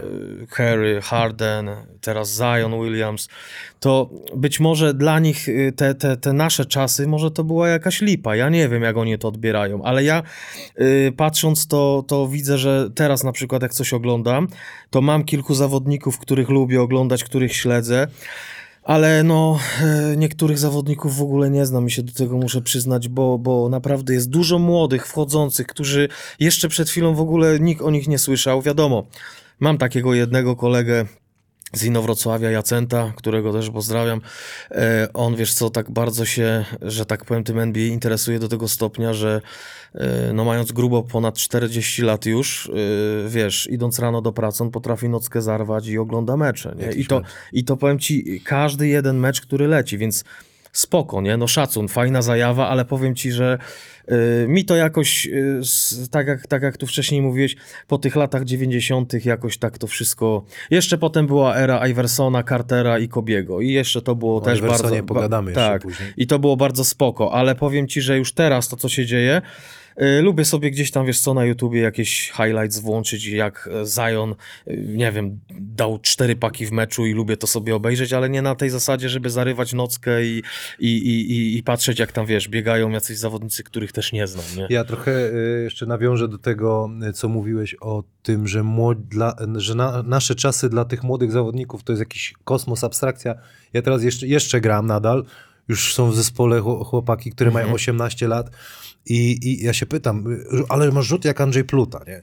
A kto to jest Andrzej Pluta, nie? Oni, oni nie wiedzą, ale do czego Różnica zmierzam, że to, też. oni nie mają właściwie prawa ich znać, no bo on jak grał jeszcze, no to oni mieli ile lat? Kilka lat Tak, i, i kto im tak. miał o tym powiedzieć, a u nas aż tak nie jest to napompowane o tych legendach jak, jak No więc NBA. y, wniosek prosty, że jesteśmy już stare dziady, nie? Chyba tak, sta, po prostu się starzejemy, ale też jest kluczem, jakby jeżeli kochasz ten sport, no to pokazujesz, popatrz, synu na przykład to jest taki facet, który grał tam i tam. tam. Nie, no pewnie, wiesz, no... o to chodzi, y, przekazywanie tych, tych Ja zawsze byłem za tym, że powiedzmy, no jeśli była e- era e, powiedzmy Iversona w Filadelfii, to wiesz, w Stanach e, na przykład, e, nie wiem, ojciec synowi też pokazuje jak grał Dr. J czy No, Moses Malone. dla nas to jest takie. A, a, a u nas to jest takie, wiesz, no ktoś tam kiedyś grał i podejrzewam, że dzisiaj nikt nie pokazuje y, młodym koszykarzom, jak grał, Maciek. nie wiem, Maciek, czy tam ktoś, ktoś y, pokroju Mariusza Bacika, czy, czy tam Dominika Tomczyka, wiesz, jakoś to, to tak jest inaczej, nie? No tak, no tak, to jest fajny, fajny temat, można o tym dyskutować. Dobra, kto był twoim idolem, jak zaczynałeś, e, zacząłeś grać? Bo jeszcze nie powiedziałeś mi, y, gdzie zacząłeś grać? Wiesz To co, no... Szkoła, e, czy był od razu w noteci? Moje początki były takie, że po, po obejrzeniu tego, e, tych, tych, tych spotkań właśnie, które były emitowane w telewizji NBA, mm, chodziłem na takie pobliskie boisko tam na szkołę piątkę u nas na osiedlu i wiesz co, i, i marzyłem, żeby, żeby mój ojciec mnie zapisał na pierwszy trening Notecino Wrocław, nie spałem po nocach, pamiętam miałem 8 lat e, i nie mogłem się doczekać tego pierwszego treningu i w końcu na ten pierwszy trening e, się zapisałem. Tam trzeba było jeszcze takie składki płacić kiedyś, wiesz, to w ogóle stare czasy. I trenowałem w tych młodzikach, potem przyszły pierwsze mecze.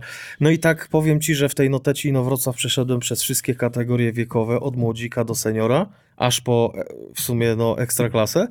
I to jest takie dość fajne, nie? Bo nie każdemu to się gdzieś tam zdarza. Niektórzy już y, jako kadeci czy juniorzy wybywają do innych klubów i więc, więc tutaj była taka zajawka właśnie mówię w wieku 8 lat, że najpierw boisko szkolne, e, też patrzyłem jak tam wiesz starsi koledzy grają, e, chciałem też z nimi w takim meczu uczestniczyć, no ale pamiętam pierwsza akcja, gdzie zaprosili mnie do takiego meczu była taka, że jak dostałem podanie i złapałem piłkę, to zrobiłem chyba z sześć kroków i, i wiesz, w ogóle nie skozłowałem piłki, nie? Więc, więc od razu mnie wypieprzyli z, wiesz, z powrotem na, Czekaj w kolejce. Czekaj w kolejce, nie? Bo straciłem punkty. E, ale mówię, potem e, sz- poszedłem do noteci, wszystkie poznałem jakby e, elementy koszykówki od podstaw. No i tak wiesz, no wszystkimi kategoriami wiekowymi szedłem w górę, no i się kształciłem Czyli jako... tak trochę samouk, można powiedzieć. No tak, wiesz, no to, to, to tak było, że nie wiem, no akurat obejrzałem ten mecz NBA i złapałem taką zajawkę i chciałem zostać koszykarzem, wiesz, jak to każdy młody miał jakieś tam marzenia. E, No i wiesz, no i tak to wszystko się narodziło. Jesteś wychowankiem Notecino Wrocław. Tak. Y, jakieś sukcesy w tym okresie juniorskim udało się osiągnąć? Coś, co pamiętasz indywidualnie? Wiesz co, ja pamiętam e, taką sytuację, że e, na początku byłem takim zawodnikiem, który wiesz, wchodził na e, boisko, rzucał te dwa czy cztery punkty. Taki byłem, byłem słabeuszem takim, wiesz. I, I potem e, pamiętam taką sytuację, gdzie wyjechałem w roku 96 e, do, do Czechosłowacji, do taboru na taki obóz koszykarski, który taka firma organizowała, Kosztur. I tam wiele osób z całej Polski chłopaków, wiesz, to był chyba taki jedyny wtedy e, obóz, jeździła tam. Ci, ci chłopacy tam jeździli. E, tam poznałem e, Bartka i Tomka Bryli, właśnie moich e, przyjaciół, którzy, z którymi tam właśnie grałem w koszykówkę. I wiesz co, i wtedy było coś takiego, że, że y, Pozdrawiamy. Pozdrawiamy Bartek, serdecznie. Ja z Bartkiem też grałem. i i teraz y, wyszło coś takiego, że ja chyba w siebie tak do końca nie wierzyłem, bo no generalnie tam słabe te występy były w tych kadetach, w tych młodzikach i tak dalej. I na tym obozie y, właśnie Tomek Bryl przede wszystkim dostrzegł we mnie coś takiego, że ja powinienem bardziej się cenić, jakby bardziej być y, pewny siebie i tak dalej. E, No i wiesz co, zaczęliśmy grać tam sparingi, coraz lepiej mi szło y, w konfrontacji z tymi wszystkimi chłopakami z całej Polski, gdzie naprawdę z klubów też chłopacy byli. Szło mi całkiem nieźle. Potem był zorganizowany na koniec całego turnusu taki jakby ala mecz gwiazd, czyli trenerzy kontra zawodnicy. Tam zaaplikowałem 32 punkty i tym samym zostałem jednym z trenerów e, na tym obozie na następny turnus i tam jeździłem chyba przez 5 lat. No proszę. Także, także fajnie. To było i, wakacje. I- tak, to było w wakacje co roku i wtedy pamiętam, że po powrocie z tego właśnie obozu zagrałem pierwszy dobry sezon w juniorach, kiedy tam no, po kilkanaście punktów już rzucałem i wtedy jakby to, to był taki e, punkt zwrotny, gdzie ja w siebie uwierzyłem i, i ten obóz też mi dał bardzo dużo e, wiary w siebie i wtedy jak już grałem, to już grałem z zupełnie innym nastawieniem niż wcześniej. Wcześniej byłem taki cichy, skryty chłopczyk, który gdzieś tam wyszedł, podał, y, zrobił stratę, rzucił dwa punkty, a po powrocie z tego obozu w, w Czechach y, jakby no coś po prostu się otworzyło No, w mora, morał z tego taki, że wakacje młodzi powinni jednak grać, gdzieś się rozwijać. Nie? I Nie, cały no czas, bo to widać, że nabrałeś, wiesz, No, oczywiście, oczywiście. Y, Twoim idolem był chyba Jordan, tak? No bo skoro tak nie no, to- Jordan był każdego chyba idolem. Nasze Wiesz, roczniki y, Jordan. Powiem ci, że ja nie pamiętam osoby, która w tamtych czasach by na przykład powiedziała, że nie wiem, Drexler jest jego idolem, czy, czy Terry Porter, nie? Je, Nie, no. czy, czy Rod Strickland, wiesz, no ja nie... Vinny Del Negro na no, przykład. na przykład, więc ja jakby, wiesz, no, ka każdy, kto, kto, kto ze mną grał i z kim ja grałem, no to wiesz, no to, to jednak była przepaść, bo, bo jednak Jordan królował nad tymi wszystkimi zawodnikami, z którymi grał i on był taki, wiesz, niedościgniony w tym, co robi i no, był idolem każdego praktycznie. Potem, jak już minęła ta era Jordana, e, przez chwilę było e, tak jakoś, wiesz, e, trochę Charles Barkley, gdzieś tam takim był moim cichym idolem, ale mm, zresztą jak były finały w 93, to ja byłem za Phoenix. To jest ciekawe, nie? Bo wiesz, tam była dobra ekipa. Coś fajnego tam Kevin, tej ekipie, Kevin nie? Johnson, Dan Meyerly, e, był jeszcze Richard Dumas, wiesz. Fajna to był Barclay. No, no powiem ci, że mi się ta ekipa bardzo podobała. I wiesz, i wiedziałem, że o, oczywiste jest to, że Chicago, każdy mówi, no Chicago i tak wygra, ale było 4-2, więc to nie było takie oczywiste. No i tam ale je- Majerle miał rzut taki ważny. tak, jeszcze. i, i, i- ten, ten Dan Meyerly po prostu trzepał takie trójki tam z 9-10 metrów, że naprawdę. Yy, No ale co chciałem powiedzieć, yy, jak, jak ta era już też Barclaya minęła, pojawił się Iverson, no to wtedy, wiesz co, tak yy, zafascynował mnie jako taki zawodnik niski, który yy, gdzieś tam jest podobny gabarytami do mnie i to mnie tak jakoś, yy, wiesz co, urzekło w ogóle jego styl gry, przebojowość, jego crossovery, jego, jego w ogóle zagrania, kozłowanie. Tak mi się jakoś, wiesz, no dość mocno spodobały, że praktycznie stał się z miejsca idolem moim.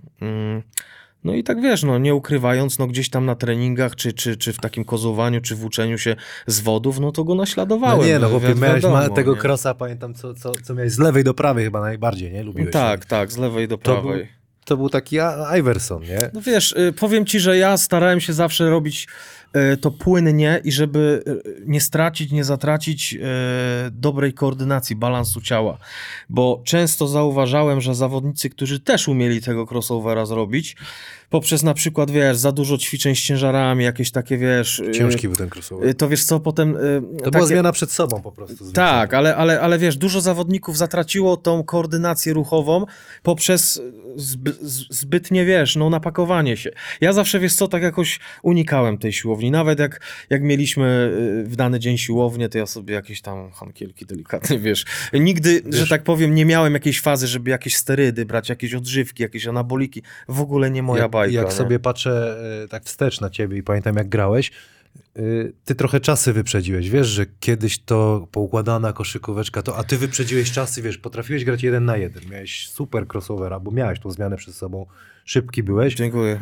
Nie, bo tak było. Mhm. Ale wtedy jakiejś innej takiej koszykówki, a teraz koszykówka poszła, że jeden na jeden właśnie, mało siłowni, bardziej właśnie takie... Wiesz co, jakbym, jak, jak, jakbym ja to miał jakoś określić, to yy, no to jest miłe, że tam gdzieś ponadczasowym byłem zawodnikiem, ale, ale, ale, ale coś może w tym jest, wiesz dlaczego?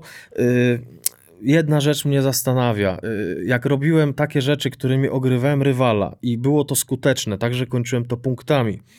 A trener potrafił powiedzieć, że siadasz na ławkę, bo to jest NBA i, To jest streetball, streetball. Ta, ale takie były hasła, to Tak. jest streetball. I w ogóle ściągnij tą opaskę z głowy, bo to co to w ogóle jest, to wiesz, to, to ja sobie tak po latach e, stwierdziłem, że poniekąd przez opaskę na głowę, czyli przez zwykły, wiesz, zwykły headband, y, no może gdzieś tam mnie parę osób przystopowało, dlatego że mm, wiesz, inny styl ubierania, inny styl bycia. No no mówię, Zawsze że- jak dostawałem strój, nie lubiłem obcias, obcis, obcisłych spodenek, bo mnie to jakby ograniczało w ruchach. Lubi, lubiłem, wiesz, stroje jakby obszerne i luźne, Tam- co też się trenerom nie podobało. Opaska na głowie się nie podobała.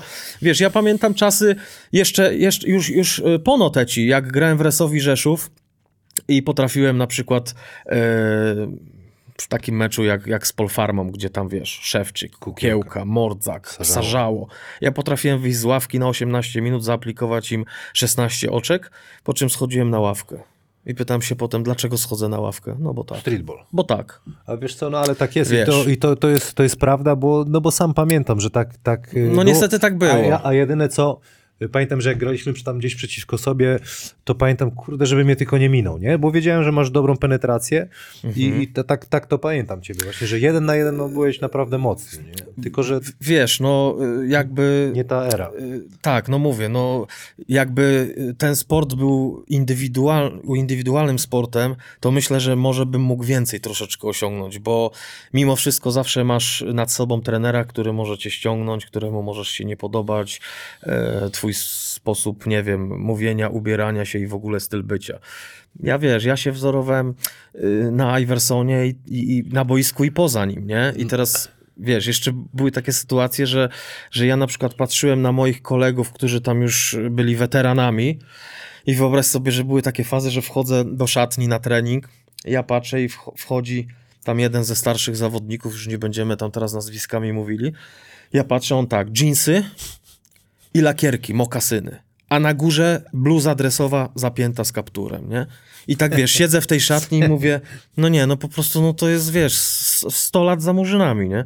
Więc to, to jakby taki trochę PRL, nie? Wiesz, na zasadzie Kurde, takiej, że, że nie zakładaj opaski, bo po co ci ta No, opaska, takie, to, wiesz? takie to trochę smutne. Teraz się to zmienia na, na plus. No i właśnie, Wszystko, teraz- ci, ci chłopcy, którzy nawet motorycznie i grają lepiej na jeden są w cenie bardziej, nie?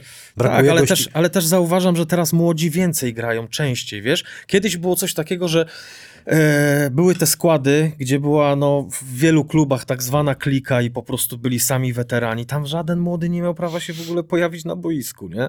I, i podejrzewam, że dzisiaj tacy zawodnicy jak, nie wiem, no strzelam, Kolenda, nie wiem, Wołoszyn czy, czy, czy, czy inni, to ja podejrzewam, że w tamtych czasach, kiedy, kiedy ja gdzieś zaczynałem, to oni by się do składu łapali, po prostu. Hmm.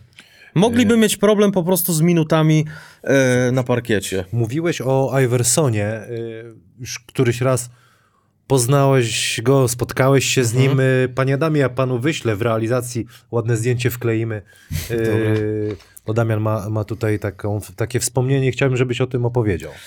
Wiesz co, jakiś czas temu, to chyba było 2010 rok, tak, e, dostałem cynk od jednego z kolegów, który był tam redaktorem jakiś, jakoś też serwisu. Wiesz co, za cholerę już nie pamiętam, jak on się nazywał, także jeśli ten kolega to ogląda, to chciałem podziękować za zaproszenie, ale też, no sorry, ale no nie jestem w stanie wszystkich osób, wiesz, z tylu lat spamiętać, nie? I wiesz co, i dostałem cynk, że będzie Iverson na jakiejś tam kampanii Reeboka, będzie w Katowicach. E, no to pojechałem tam, e, wiesz, bo oczywiście pojechaliśmy na lotnisko, e, fajnie, wszystko tam miał, jakieś miał przywitanie. Potem, wiesz co, w, była taka e, zorganizowana, zorganizowany ala konkurs, gdzie też był Andrzej Pluta. E, tam, tam, tam rywalizowali w rzutach, e, też trochę ludzi się zebrało. E, ogólnie powiem ci, samo to, że taki ktoś przyleciał do Polski, no to wiadomo, no gdybym takie coś przepuścił, no to w ogóle no, no, no nie ma takiej opcji, ale e, organizacja była trochę słaba, Nie, wiesz? no jak zobaczyłem to, to chyba można było lepiej to, to Tak, zrobić. i wiesz co, i sam Iverson, jak potem, bo miałem potem okazję pogadać z nim sam na sam, to wydawał się być taki dość y, zdenerwowany i, i wiesz, i mówił, że więcej nigdy tu nie przyleci, że po prostu. Tylko wiesz, trzeba też go zrozumieć, bo y, na tym evencie w ogóle nie było jakby organizacji, bo tak. y, Najpierw przywitali go na tym lotnisku, wsiadł w samolot, y, w samochód, y, pojechali na tą Może halę. mu, może mu chleb i wodę E, dali, wiesz, do... Wiesz, i, i, i- wiesz co, i, Mówi, nie, nie nagle podeszło 30 dziennikarzy, każdy, każdy mu gdzieś ten dyktafon obijał, wiesz, tu, tu gdzieś o twarz. E, on, on generalnie nie wiedział, co on ma robić. Wiesz, tu podpisywał jakiś obraz namalowany przez dzieci y, niepełnosprawne. Za chwilę robił sobie zdjęcia z dzieciakami z domu dziecka. Wiesz, coś tam w słuchawce ktoś mu cały czas mówił, co on ma. On był w ogóle zmieszany. I potem po tym wszystkim e, właśnie y, udało mi się przed, po wyjściu z tej hali, po tym evencie rzutowym, zrobić sobie zdjęcie. Podpisał mi koszulkę, którą też do dzisiaj mam. Także mam koszulkę Iversona z jego. Z jakiego aut- klubu? Ze Sixersów, Sixersów, no. Tru, trujeczka. Nie? A. Akurat to jest, wiesz co, Czarna taki... biała? To jest biała. Akurat to był taki rozmiar mniejszy, e, taki ala dziecięcy, więc fajnie ona mi się w antyramę wkomponowała, nie? Ale, ale tam właśnie sobie zrobiłem to zdjęcie. To też podeślesz. Tak, tak. I tam wiesz co, zrobiłem sobie to zdjęcie i on razem z menadżerem powiedzieli do mnie, że no wiesz, no widzieli, że jesteśmy z tego klimatu już po samych ubiorach, to było dość fajne yy, i że zapraszają nas tam do tego hotelu Kubus, gdzie oni będą, bo oni tam chyba nocowali. I tam na, yy, na ostatnim piętrze w Skybarze był tylko Iverson, przedstawiciel Reeboka, jego menadżer Gary Moore i dwóch ochroniarzy. Ja tam się dostałem na tą, no, znaczy nie imprezę, ale wiesz, no, na te takie ich jakby spotkanie.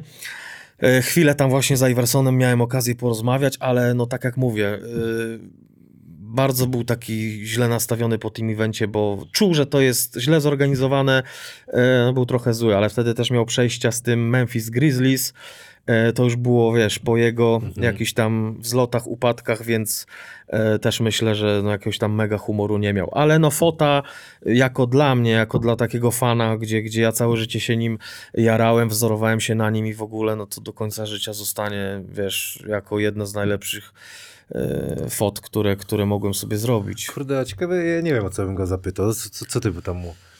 Wiesz co, no ogólnie co, no ja, ja chwilę z nim pogadałem, powiedziałem mu, że właśnie, y, wiesz, wzoruję się na nim, że wiesz, jest moim idolem, y, dałem mu ten mój swój mixtape streetballowy e, na tej płycie DVD, który też tu dzisiaj właśnie przyniosłem ze sobą. E, Także wiesz, to na zasadzie typu siemanko, jestem twoim wielkim fanem, pizgam crossovery, jest fajnie, ale jestem biały, nie? Wiesz, na tej zasadzie, nie? O, fajnie, No. fajnie. No, super pa, ten wspomnienie. Nie, no tak powiem ci, y, jak spotykasz kogoś takiego jak Iverson, bo ja nie mówię o innych zawodnikach, ale jak spotykasz a- takiego Iversona, który dla ciebie znaczy, no chyba tyle samo, co byś Jordana zobaczył, to uwierz mi, że zapominasz angielskiego, nie? Zapominasz tak, angielskiego, y, po prostu patrzysz się i y, mm, what's up, man? No ciężko było, jakbyś tak wiesz, zapalił, nie? To no, by więc, więc żałuję, że tłumacza nie wziąłem na ten event. No to Wiesz. pięknie, to pięknie tutaj sobie wkleimy. Na pytanie moje już odpowiedziałeś, kto był twoim idolem, Allen Iverson. Tak, tak. I. I gdzieś tam czerpałeś wzorce z grania. 97-2001, Notecino Wrocław. To jest okres juniorski? Co to jest za okres? 9-7 to był, to był ostatni mój rok juniorski. To właśnie wtedy odpaliłem się po tym taborze, gdzie miałem taki bardzo Okej. dobry sezon. I się zaczęło od, od tego. No i teraz słuchaj, i teraz e, 98 rok e, po kolejnym e, taborze, czyli po tym, po tym, po tym kampie, przyjechałem na ala testy do Wrocławia. Także byłem Byłeś tutaj. tutaj? Grałem tu na Mieszczańskiej, słuchaj, z chłopakami. Który ty jesteś rocznik? 8-0. A, no to ja to byłem malutki wtedy jeszcze. No gdzie ma? No, No no w sumie lat, tak, no, No to 13 wtedy- no to- miałeś, no, to, to faktycznie, nie? A wiesz co, siedział tam jakiś chłopczyk. Ale to nie ja, taki mały, gruby. jeszcze nie, ale, miałem ale rękawiczki tak, wtedy. ale, ale to już pamiętam, że byłem we Wrocławiu, tu powiem ci, że było dość ciężko, bo oni już mieli skład uformowany, trochę z nimi potrenowałem, zapierdol był straszny, po prostu to wszystko tak siłowo wyglądało, że jak Tam był kas. że, że powiem ci, że jak ja tu wpadłem na te treningi, e, zresztą właśnie Bartek Bryl też mi tutaj ogarnął ogarnął mieszkanie, żebym sobie tutaj, wiesz, jakby No. wszystko poukładał, bo liczyli na to, że gdzieś tam może się do składu dostanę. E, powiem ci, strasznie siłowo y, po prostu, wiesz, jakby no przepaść, nie? Przepaść. E, wróciłem y, do siebie, zagrałem super sezon, wtedy pierwszy w seniorach, czyli w trzeciej lidze. Grałem z o wiele starszymi chłopakami w Noteci. E, ja jako gdzieś tam mówię, taki osiemnastolatek wpadłem do pierwszej piątki i po trzy dychy zacząłem rzucać w meczu. Mhm. Więc to było fajne, to było fajne i, i potem jakoś tak to już, wiesz, się rozwinęło, że e, po tym sezonie już właśnie w trzeciej lidze już trenowałem w drugiej lidze, wtedy trenerem był Leszek Marzec w Inowrocławiu. I wtedy właśnie e, zacząłem mieć pierwszy kontakt, był Eddie Smith, John Jackson, już miałem taki, wiesz, już, już liznąłem gdzieś tam tej e, zawodowej koszykówki, więc to szło, do tego momentu szło fajnie, nie? No i co, to tam grałeś do, do momentu... Znaczy 2000 grałem ten sezon w drugiej lidze, potem na następny sezon y, graliśmy w pierwszej lidze z Kevinem Turnerem, gdzie zrobiliśmy awans do ekstraklasy. I jak zrobiliśmy awans do ekstraklasy, to y, jakby wiesz, no wiedziałem, że już nie będzie w ogóle dla mnie miejsca w składzie. Y, I wtedy pojawiła się oferta z Resowi Rzeszów, czyli sezon 2001. 2002. Tak, przeszedłem do Resowi Rzeszów, tam też zagrałem super sezon, chociaż wychodziłem z ławki, to miałem 14,5 punkta na mecz przy tam chyba 16 minutach średnio, więc, Mhm. więc naprawdę fajny sezon i tak jak wcześniej wspominałem, wspominałem, czy ze startem Lublin, czy gdzieś tam z Polfarmą, czy, czy z innymi drużynami, no zdarzało mi się, że potrafiłem 20 parę oczek zapalić, także No a tak sezon. najwięcej od kogo się nauczyłeś tam w tym okresie takim na początku? Od starszego zawodnika jakiegoś? Masz kogoś takiego? Wiesz co, no na, na pewno najwięcej się nauczyłem od Kevina Turnera. E, mimo to, że on przyjechał do Noteci po kontuzji, znaczy już wyleczono miał tą kontuzję, ale coś tam poważnego miał wtedy z kolanem, chyba mnie zadła, standardowo, jak każdy. E, to wiesz co, jeden na jeden, mimo że y, wyglądało to, że on jest dość wolny, to on był przekotem, miał pierwszy krok, miał te zmiany tempa, no dla mnie, wiesz, inna liga, w ogóle kosmos. I z nim grając jeden, cały czas tłukliśmy się jeden na jeden na treningach. I jakby od niego bardzo dużo gry się nauczyłem, różnych zwodów, minięć, on też mi różne rzeczy pokazywał. Eee, tak wiesz, no ogólnie był spoko, spoko, spoko ziom, nie? Też potrafiliśmy na jakąś imprezę sobie pojechać, jak tam była przerwa, więc, więc taki rozrywkowy, ale też, ale też, ale też naprawdę dużo mnie nauczył i, i, i z nim tak wspominam, że yy, no poszedłem bardzo do przodu, jeśli chodzi o grę 1 na 1, bo jednak wiesz, w momencie, kiedy przyjeżdża gość, który yy, miał iść do NBA i w tym Illinois naprawdę był, wiesz, mocnym, mocnym ogniwem, yy, no to to nie jest byle kto, kogo możesz tak, wiesz, sobie minąć. Wspominałeś o tym sezonie w Rzeszowie. Y, Tam y, był ktoś znany, kto, kto gdzieś później jeszcze grał?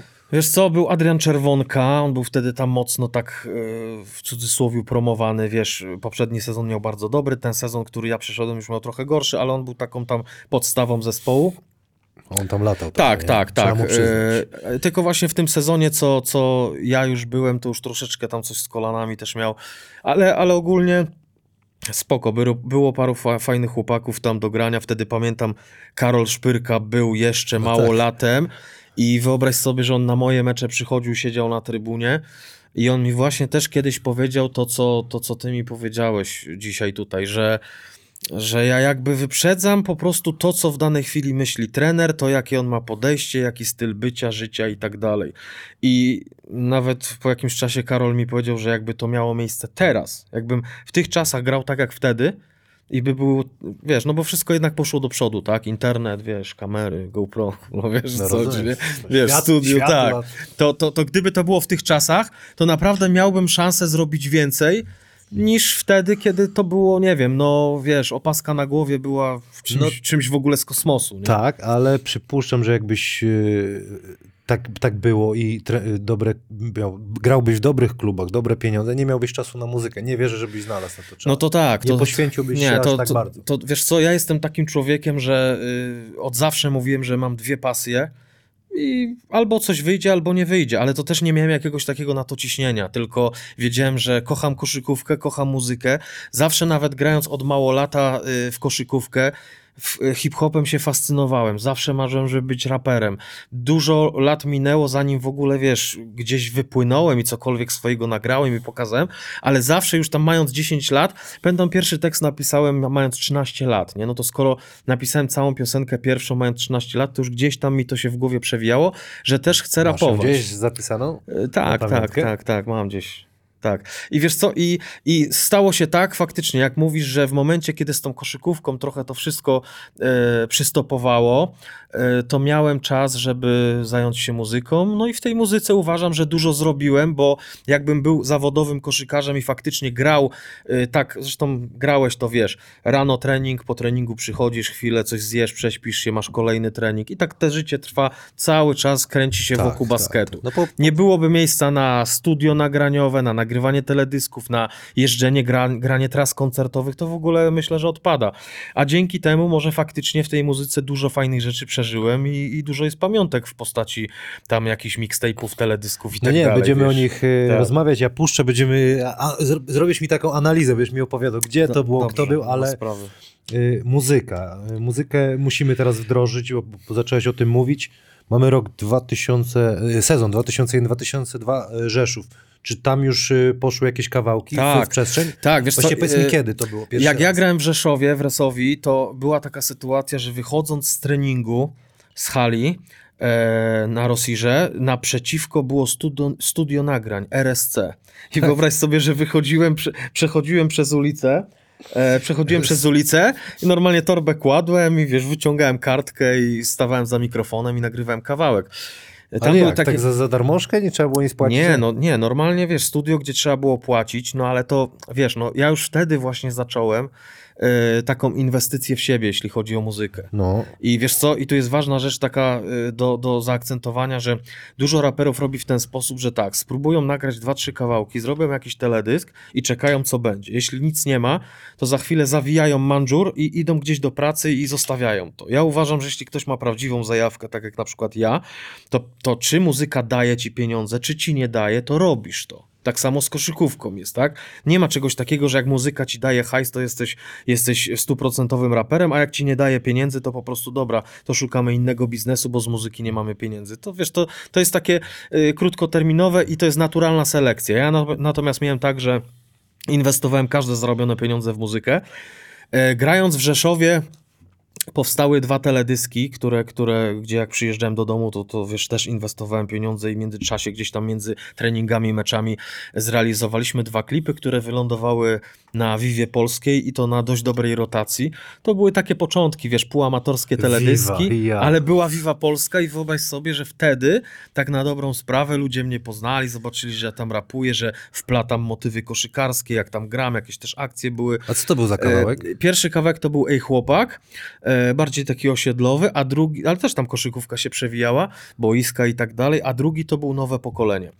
E, I wiesz co, i oba klipy, no mówię, jak na tamte czasy, no takie były, wiesz, no A jakieś tam... Znajdziemy gdzieś to? Tak, jest to normalnie tak? na To internecie. Może tak nawet fragment gdzieś tam. Tak, jest na internecie. No wiadomo, to jest wrzucone w jakiejś tam słabej jakości przez kogoś, ale Nie ma CNC, stylu osiedlowego Szanuję hip-hop i rymuję dlatego Ale to dopiero początek czegoś nowego Co za jakiś czas będzie wizytówką naszego Miejsca, w którym jesteśmy skupieni Razem ze sobą wszyscy zjednoczeni Tego co robimy pewni, a nie przestraszeni Tylko i wyłącznie na rap nastawieni ale można to znaleźć i, i to są takie jakby moje początki, ale co ważne, te klipy wylądowały na Vivie i to na dość dobrej rotacji, więc wtedy jakieś się propozycje koncertowe zaczęły i gdzieś tam zacząłem być znany z tego, że łączę koszykówkę i muzykę, nie? Także fajnie. Fajnie, Super. tak trochę można powiedzieć. Przetarłeś szlaki, ale Nulo też na przykład grał Tak. w kosza w Górniku Wałbrzych, Tak, nie? grał, grał, grał.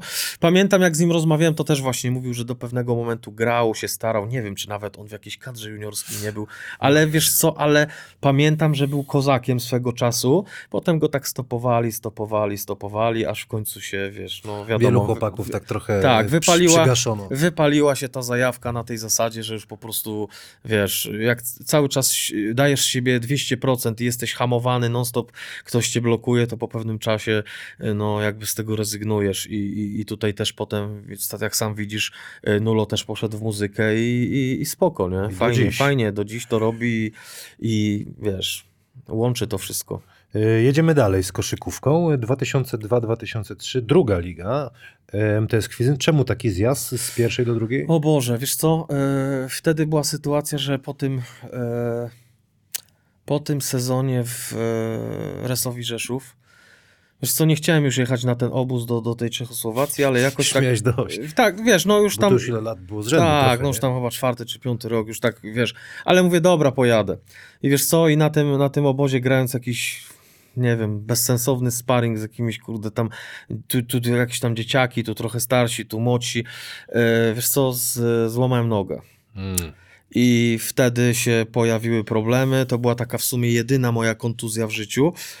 E, Gdzie wiesz co, no nie mogłem potem tego klubu znaleźć. Byłem e, chwilę w Kotwicy Kołobrzeg, trenowałem tam u Wojciecha Krajewskiego, z Pawłem Kikowskim też, między innymi. E, Potem byłem w Wiśle Kraków, też tam w sumie nie za bardzo się zaprezentowałem, no bo ta noga jednak bolała. Wiesz, sam ściągacz nic nie ale, to, co, ale to w pisz, piszczel? Czy, Wiesz co, ja zrobiłem... nic? Chyba nie udowa kości. Nie, to było pęknięcie w kostce, ale to Aha. był odprysk. Odprysk takiej kości i ja też na własne życzenie, żeby szybciej jakby wrócić do tej koszykówki, to chyba nie po sześciu tygodniach, tylko po trzech tygodniach poszedłem do szpitala i ściągnąłem A. gips.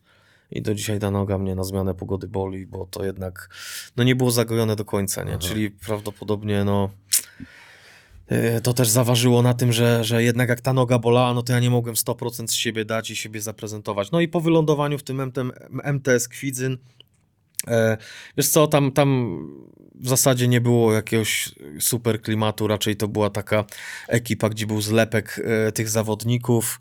E, nie dogadywałem się tam całkowicie, powiem ci, nie mój klimat.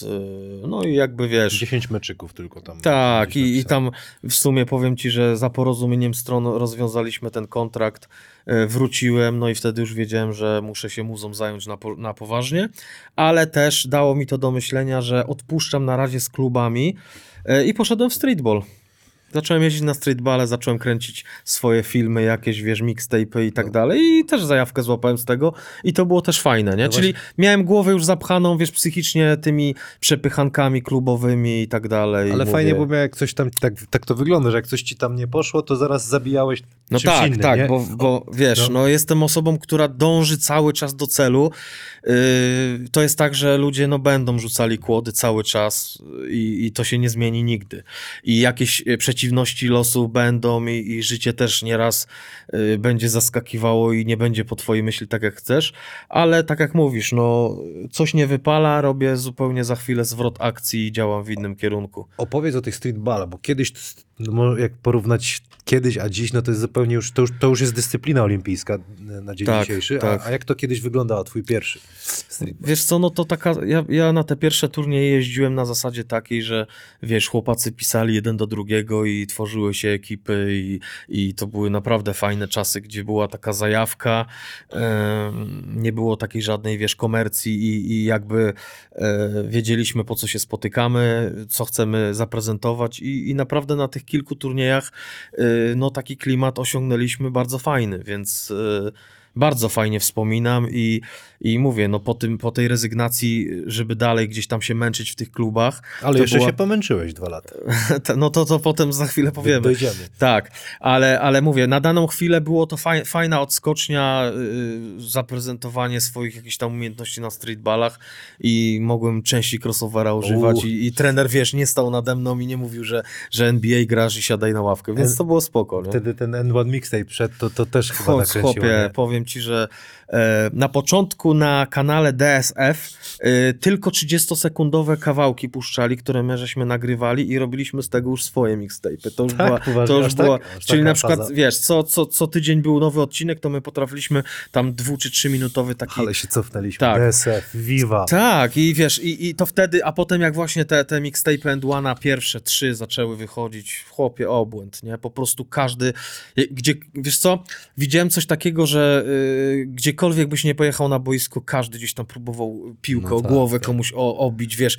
No po prostu to tak y, jakby przyszło ze Stanów piorunem, wiesz. Nikt wcześniej w Polsce, ja na przykład nie wiedziałem, że można podczas grania włożyć piłkę No pod właśnie. koszulkę, Uderzyć tutaj Tak. uderzyć i ona wyleci z drugiej strony, a twój Słuchaj. obrońca będzie jej szukał z tej strony, więc powiem ci, że to była magia, wiesz. I to jest chyba jedyna rzecz, której się mogłem zrobić, bo ja jak nawet uczę się tańczyć z moją żoną, która jest zawodową tancerką, to wiesz, kij w dupie, nie?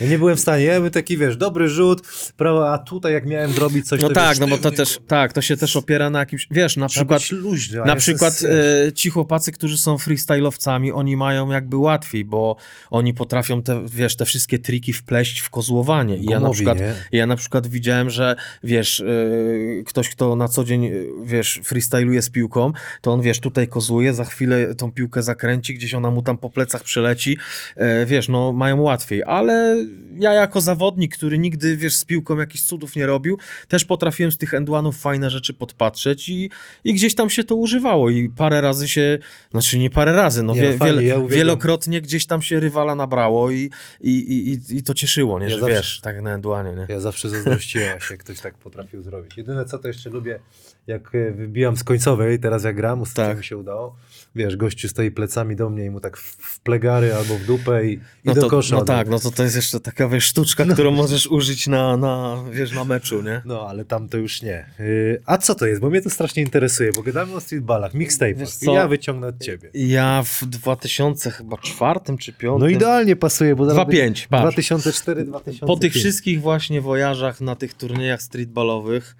e, tutaj właśnie pokażę, pyk. Masy E, wy, wydaliśmy, znaczy wydaliśmy, wiesz, no zrobiliśmy taką płytę, na której tam jest chyba godzina, e, ale połączyliśmy to z muzyką też, nie? Czyli są tam i moje teledyski, jakieś tam wywiady, e, Kurde, też... a to tego nie ma na necie?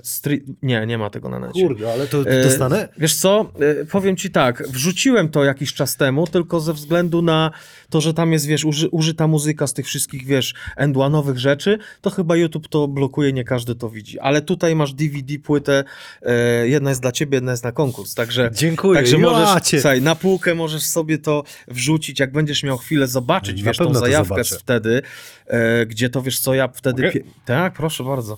Ja wtedy pierwszą kamerę e, taką, taką HD, kurde, gdzieś tam kupi, kupiłem i jeździło się na te streetballe i się nagrywało jakieś akcje, potem wiesz...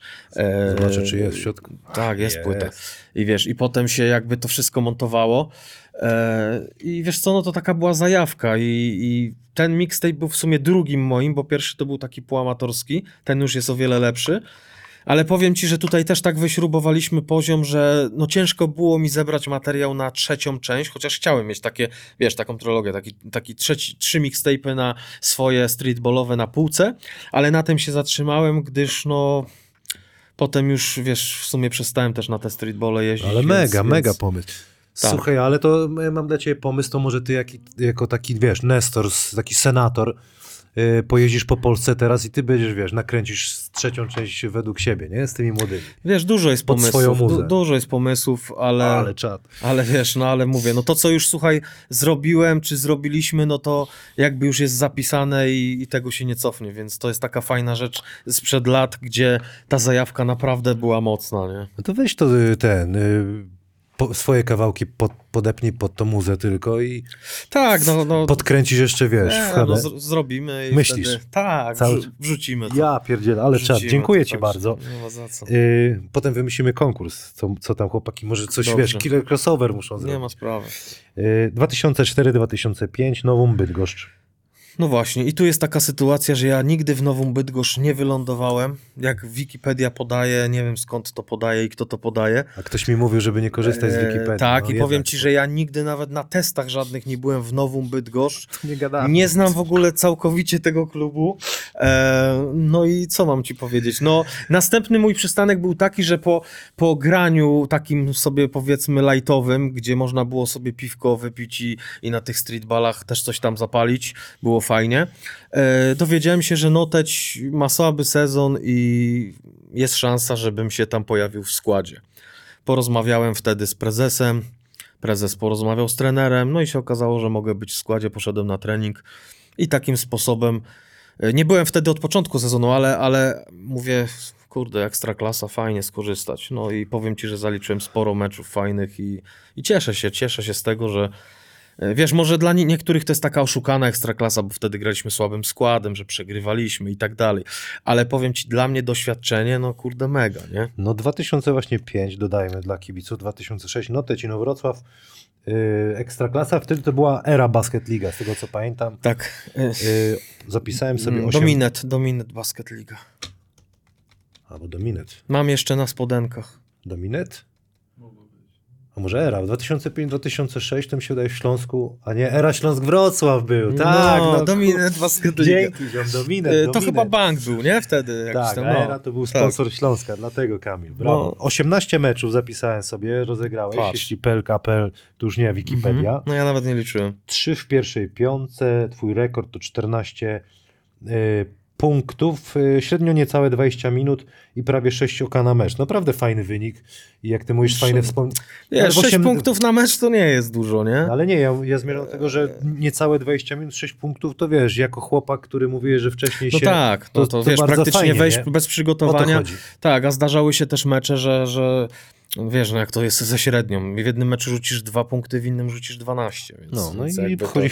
Ale nie, pamiętam na przykład mecz e, z Polonią Warszawa, gdzie e, grałem przeciwko Łukaszowi Koszarkowi. E, to tam było fajnie, bo on zaaplikował 14 oczek, ja właśnie 14 oczek. E, Na dobrej też skuteczności i wiesz, wtedy jak wziąłem gazetę, mówię, no zobacz, nie, no, koszar 14, ja z ławki 14, nie, to było fajne, wiesz, to było fajne i zresztą dużo było takich spotkań, gdzie na przykład wychodziliśmy z Prokomem i, i, i Rashid Atkins mnie krył, czy Paczesa, wiesz, i potrafiłem w ostatniej sekundzie yy, z tam z 8 metrów odpalić truje o tablicę, wiesz, bo się czas kończył, nie, i to gdzieś tam też mam nagrane. Dalmały jeszcze tam. No, także to dobra był... ekipa. Zresztą później tak. współpracowałeś e, z nimi. Tak, tak. Potem muzycznie mi zaproponowali współpracę i To jeszcze po, po, poruszymy to. dobrze. Y, jakieś takie wspomnienie y, jeszcze z tego sezonu ekstra, bo to właściwie był koniec, tak? Po tym sezonie Tak. basket już poszedł. Wiesz co? Znaczy nie, Oficjalny nie, taki. Oficjalny, bo jeszcze jakaś tam liga. Znaczy nie, powiem tak. e, Po tym sezonie, co dziwne w ogóle w ekstraklasie, no żeby nie wypaść z rytmu, grałem w lidze amatorskiej, w takich TKKF-ach, jak to u nas to Mhm. nazywają. Tam chyba grałem dwa sezony. E, Po czym grałem jeszcze trzy sezony w trzeciej lidze. Więc i tak powiem ci, że e, w roku 2011 chyba, czy 2012, no już tak w sumie po, te, po, tej, po tej sytuacji z tą arytmią serca, to tak przestałem już, już gdzieś tam w tej trzeciej lidze pogrywać, nie? Czego cię nauczyła koszykówka, ekstraklasa, tak jak teraz to, to wspominasz po tylu latach? Czego mnie nauczyła? Wiesz co? y, trochę mnie to nauczyło, że y, jednak trzeba walczyć o, o swoje, że nie zawsze to, że ty siedzisz cicho na ławce i gdzieś tam, wiesz, nie odpyskujesz trenerowi, czy, czy jesteś taki zahukany, nie zawsze to jest dobre. Przeważnie to jest, to jest, nie tędy droga. Zauważam, że y, zawodnicy, którzy są bardziej, że tak powiem, y, pyskaci, dochodzą do większych rzeczy i trochę żałuję, że w pewnych momentach y, potrafiłem przytaknąć dobrze trenerze tam, wiesz. A w środku i, kipiało, tak? tak, i, i, i wiesz co, i, i jakbym miał coś zmienić, to e, no szedłbym po bandzie, bo wiesz co, bo były sytuacje, gdzie wiedziałem, że jestem w formie, e, no siedziałem na ławce. Jak graliśmy na przykład e, w Noteci, to już była pierwsza liga, wtedy był ten sezon, po którym awansowaliśmy do Ekstraklasy. E, pamiętam wtedy e, Chudeusz, trener był właśnie u nas e, w Noteci. E, to była sytuacja, gdzie wiesz, gdzie ja z, rywalizując z zawodnikami z pierwszej piątki, e, no po prostu robiłem tam sieczkę jeden na jeden. I w pewnym momencie Chudeusz wstał przed meczem z Polfarmą i mówi do Macieja Świątka, że ten Rosnowski to, to ci 40 oka zaaplikuje, skoro, skoro Damian Masej i po prostu jedzie z tobą, wiesz, na treningu i nie potrafisz no, nic powiedzieć, więc, więc były też takie sytuacje. I też dużo zresztą chłopaków z drużyny, wiesz, no wiedziało, że mogę grać, że mam papiery na granie, że mam motorykę i, i wiadomo, no doświadczenie przyjdzie, nie? Ale taką głupotą wtedy, pamiętam, było jak Kibice pytali, dlaczego Laskowski nie gra? Przecież jest szybki, robi wsady, ma fajny kozioł, ma dobry rzut. Czemu Laskowski nie gra? Wtedy na przykład trener potrafił powiedzieć, bo brakuje mu ogrania. E, Ja się pytam, to jak mam się ograć siedząc na ławce? Czyli takie, wiesz, no błędne koło, nie? Czyli nie, nie gra, bo nie jest ograny, no ale siedząc na ławce też się nie ogra, prawda? Więc takie, nie wiem, no takie dziwne trochę czasy i, i, i mówię, dzisiaj wydaje mi się, że e, zawodnicy trochę mają łatwiej, Łatwiej, nie? wszystko. Na Tak, tak. Ale nie masz tak, że trochę jesteś e, taki niespełniony koszykarsko? No wiesz co, no, no wiesz... y, Bo dzi- mówimy to, jak mówimy, to jest. To, to, to Dziw- powinieneś być, nie? Wiesz co, powiem tak, gdybym nie czuł tego, no to może bym powiedział, dobra, nie, zasługu, nie zasługiwałem na więcej minut, y, byłem jakimś tam, kurde, e, gościem, który był piątym kołem u wozu i nie potrafił piłki odbić, no to wtedy bym nie miał, że tak powiem, e, jakiś tam, wiesz, jakiegoś żalu, ale wiedząc, że, że wiesz, wychodząc z ławki, robisz 16 punktów, na przykład tak jak w Resowi, siadasz na ławkę, e, grając cały mecz, podejrzewam, że mógłbym i te 30 rzucić i pomóc drużynie, no to to jest trochę, wiesz, żal tego, nie? Że ktoś cię po prostu w tym momencie blokuje, kiedy czy, czy czujesz, że jesteś w gazie, że to jest twój czas, że to jest twój sezon, yy, no to wiesz, no to, to, to, to trochę szkoda tego wszystkiego. A jest jakiś e, trener, zawodnik, którego, o którym chcesz wspomnieć? Jakby, nie wiem, no nie wiem, może podziękować, że wiesz, rzeczywiście on ci bardzo pomógł gdzieś tam. Wiesz co, no oj, sporo jest ludzi, którzy mi pomogli, sporo też jest ludzi, którzy mnie gdzieś tam blokowali. E, wiesz, no pierwszym moim tre trenerem był mój tata, który, wiesz, woził mnie na treningi, wpajał mi pierwsze jakieś takie zasady gry, nawet nie umiejąc grać za bardzo, chodził też ze mną na boisko, więc to tak jakby jemu zawdzięczam najwięcej, bo spełnił moje marzenie, że chcę... Pozdraw- tak, Pozdrawiamy tatę. że chce trenować, w, wiesz, w noteci i spełnił te marzenie i pomagał mi jak mógł. Potem nawet przez jakiś czas bawił się w mojego agenta, czyli jak nie mogłem klubu znaleźć po kontuzji, on dzwonił do różnych trenerów i, i takim sposobem załatwił mi granie w Resowi Rzeszów, więc spoko, bo w momencie, kiedy Noteć awansowała do Ekstraklasy i się, że tak powiem, no troszeczkę wypieli na mnie, to jednak ojciec znalazł mi tą Resowię, która się okazała fajnym strzałem. Y, Z trenerów, no, no było kilku trenerów, wiesz, gdzieś tam na etapie juniorskim Marek Filipiak, potem na etapie właśnie trzeciej ligi to był Piotr Stężewski, który naprawdę y, no, sporo, sporo wiary we mnie włożył i, i jakby no było kilka osób, wiesz, ciężko, ciężko teraz tak z głowy wymienić, nie Okej, chciałbym też rozumiem. kogoś pominąć, ale, ale wiesz, na swojej drodze powiedzmy, jak tam 20 lat coś robisz, no musiałbym spisać naprawdę na kartce ludzi, którzy mi... A koszykarski drill, y, którego nie lubiłeś robić, a wiesz, że tam potrzebny był. Ja zawsze pytam, bo czasami się znajdzie jakaś taka odpowiedź, nie wiem, nie lubiłem tripa biegać, nie lubiłem czegoś tam. E, wiesz co, najgorsze rzeczy, które mnie gdzieś tam na treningach tak dobijały, to były linie, nie? Jednak. Tak, i to zawsze był, jest to taki bardziej motorycznie wiedziałem, że dam radę, ale zawsze był taki e, psychiczne obciążenie, że jak e, dobiegniesz ostatni na przykład, jeszcze, no to cała drużyna powtarza za ciebie, nie? I to zawsze wyrywałem po prostu do przodu, zawsze dobiega, dobiegałem drugi, trzeci, czwarty, nigdy ostatni, bo wiesz, bałem się, że tam w szatni będzie potem, wiesz, a jakiś taki trener kat, którego miałeś największy? O Jezus, Piotr Stężewski, właśnie Okej. wspomniany. Powiem ci tak, y, Piotr Stężewski robił takie treningi, gdzie w upał 33 stopnie brałeś y, partnera na plecy i wskakiwałeś po schodach. I po tym obozie przygotowawczym, gdzie to praktycznie, wiesz, prawie udar słoneczny był na takim upale, my żeśmy te żabki tak zwane robili, to ja zacząłem tak skakać, że zacząłem walić wildminy po prostu od tyłu, wiesz, po prostu tak, jak odpocząłem kilka dni po tym obozie przygotowawczym, mój wyskok y, no, poprawił się o, nie wiem, no, na, naprawdę znacząco, że zacząłem robić wsady.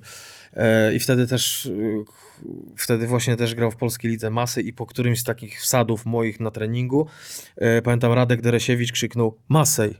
I tak, wiesz co zostało od wtedy. No tak. I on to pierwszy powiedział. Czyli od tego momentu, bo Od chciałem- momentu, kiedy zacząłem dankować i po prostu, wiesz, waliłem takie, wiesz, jak niewyżyty taki chłopak te wszystkie wsady, to tak, wiesz, Radek stanął, Daresiewicz i mówi Masej. I, i wtedy, od wtedy ta ksywa została i w koszykówce, i w muzyce. Windmill to Wojciech Michałowicz dla Tak. y, koło zamochowe mówisz. Ale jeszcze wracając do, do trenera Kata, no to Piotr Stężewski był taki, że jak przychodziło na pierwszy trening w sezonie 60 osób, to robił taki trening, że na kolejny przyszło 16, nie? Czyli wiesz, sam, sam, sa- same wysiłkowe rzeczy, linie, jakieś cuda w ogóle, piłki lekarskie, y, katastrofa, nie? Y, Niektórym krew z nosa już zwyciężyli rozcieńczenia leciała, ale powiem ci, że dzięki, dzięki tym treningom, y, no wiesz, mogłem spełnić też swoje marzenie, że, że wiesz, nigdy nie wierzyłem w to, że zrobię wsad do kosza, nie, przy tym wzroście. Więc y, to było spoko, ale jeszcze tylko powiem szybko, e, trener Konecki. Też miałem styczność. Konieckim, tak miałeś? Tak, i wiesz co, byłem w Pruszkowie chwilę, też na jakichś tam testach, o, e, obóz przygotowawczy przed sezonem. No to powiem ci, że tam co zaaplikował, to, to, to, to ja wiesz co, chyba po 4-5 dniach y, wziąłem torbę i po Pojechałeś. prostu pojechałem do domu, nie? Bo mówię, nie, no to nie jest normalne, nie? Ludzie, wiesz, kolana lodem powijane, co, co, co się nie da tego opisać, nie? Czyli generalnie powiem ci, że zespół był już skontuzjowany, zanim jeszcze zaczął turnieje przedsezonowe, nie? Te wszystkie legendy o trenerze Konieckim to prawda, bo tam on- e, opowiadał Mirek Łopatka, że oni po falochronie biegali, potem przewrót w przód na plaży, wiesz, cios w klatę, nie, cios w klatę, przewrót Tak. w tył i sprint. Wiesz co my mieliśmy? Padał wtedy deszcz, była taka brzydka pogoda, yy, robiliśmy przewroty w przód i w tył w piaskownicy, wiesz? Nie, Także- za, tak- zabudowanej? Nie, ale tak, to, to, to była jakaś ta, taka ten, ale normalnie na piachu, normalnie wiesz, przewroty w przód, w tył, w, samo było to, wiesz, taki survival trochę, wiesz? Tak, także, dzisiaj? To... a on, wiesz co, on miał takie poczucie humoru, że po prostu cały czas stał się, śmiał, e, w ogóle, wiesz, lajcik, nie? Także no to, to z takich katów to mówię, Piotr Stężewski i trener Koniecki. Ja pierdzielę. A interesujesz się dzisiaj polską koszykówką? Wiesz co, no obejrzę, no obejrzę, jak jest coś, coś, coś fajnego, taki na przykład tam hit kolejki, no to ja obejrzę, nie? Yy, Ale wiesz co, też tak jakby porównuję troszeczkę dzisiejsze NBA, tak jakby dzi- dzisiejsza polska liga tak jakby trochę podąża za NBA. I tak samo dziś, dzisiejsza muzyka polska też tak jakby jest odzwierciedleniem tego, co się dzieje w Stanach, wiesz? I tak, tak, czy źle? nie, no dobrze, tylko że y, wiesz, tak samo jak y, no minęły te, te złote czasy koszykówki w Stanach y, i teraz dużo zawodników biega, których w ogóle nie znamy i wiesz, i w meczach gwiazd się rzuca po, po prawie 400 punktów, nie? No to tak, wiesz, to to samo też się dzieje pomału w Polsce, ale wiesz, no cały czas śledzę, nie jestem jakimś tam zagorzałym fanem, ale mówię, jak jest jakiś fajny mecz, to zawsze sobie lubię zobaczyć. Ja jednak o tej NBA też takie miałem kiedyś, dawno temu, że tak po Jordanie ciężko mi było, ale rzeczywiście jednak jestem tego zdania, że trzeba doceniać tych chłopaków, co są. Ten LeBron, co robi, No tak, oczywiście. Durant, to oni, oni No. naprawdę w tych czasach, gdzie te social media są, to oni mają jeszcze gorzej niż e, Tak.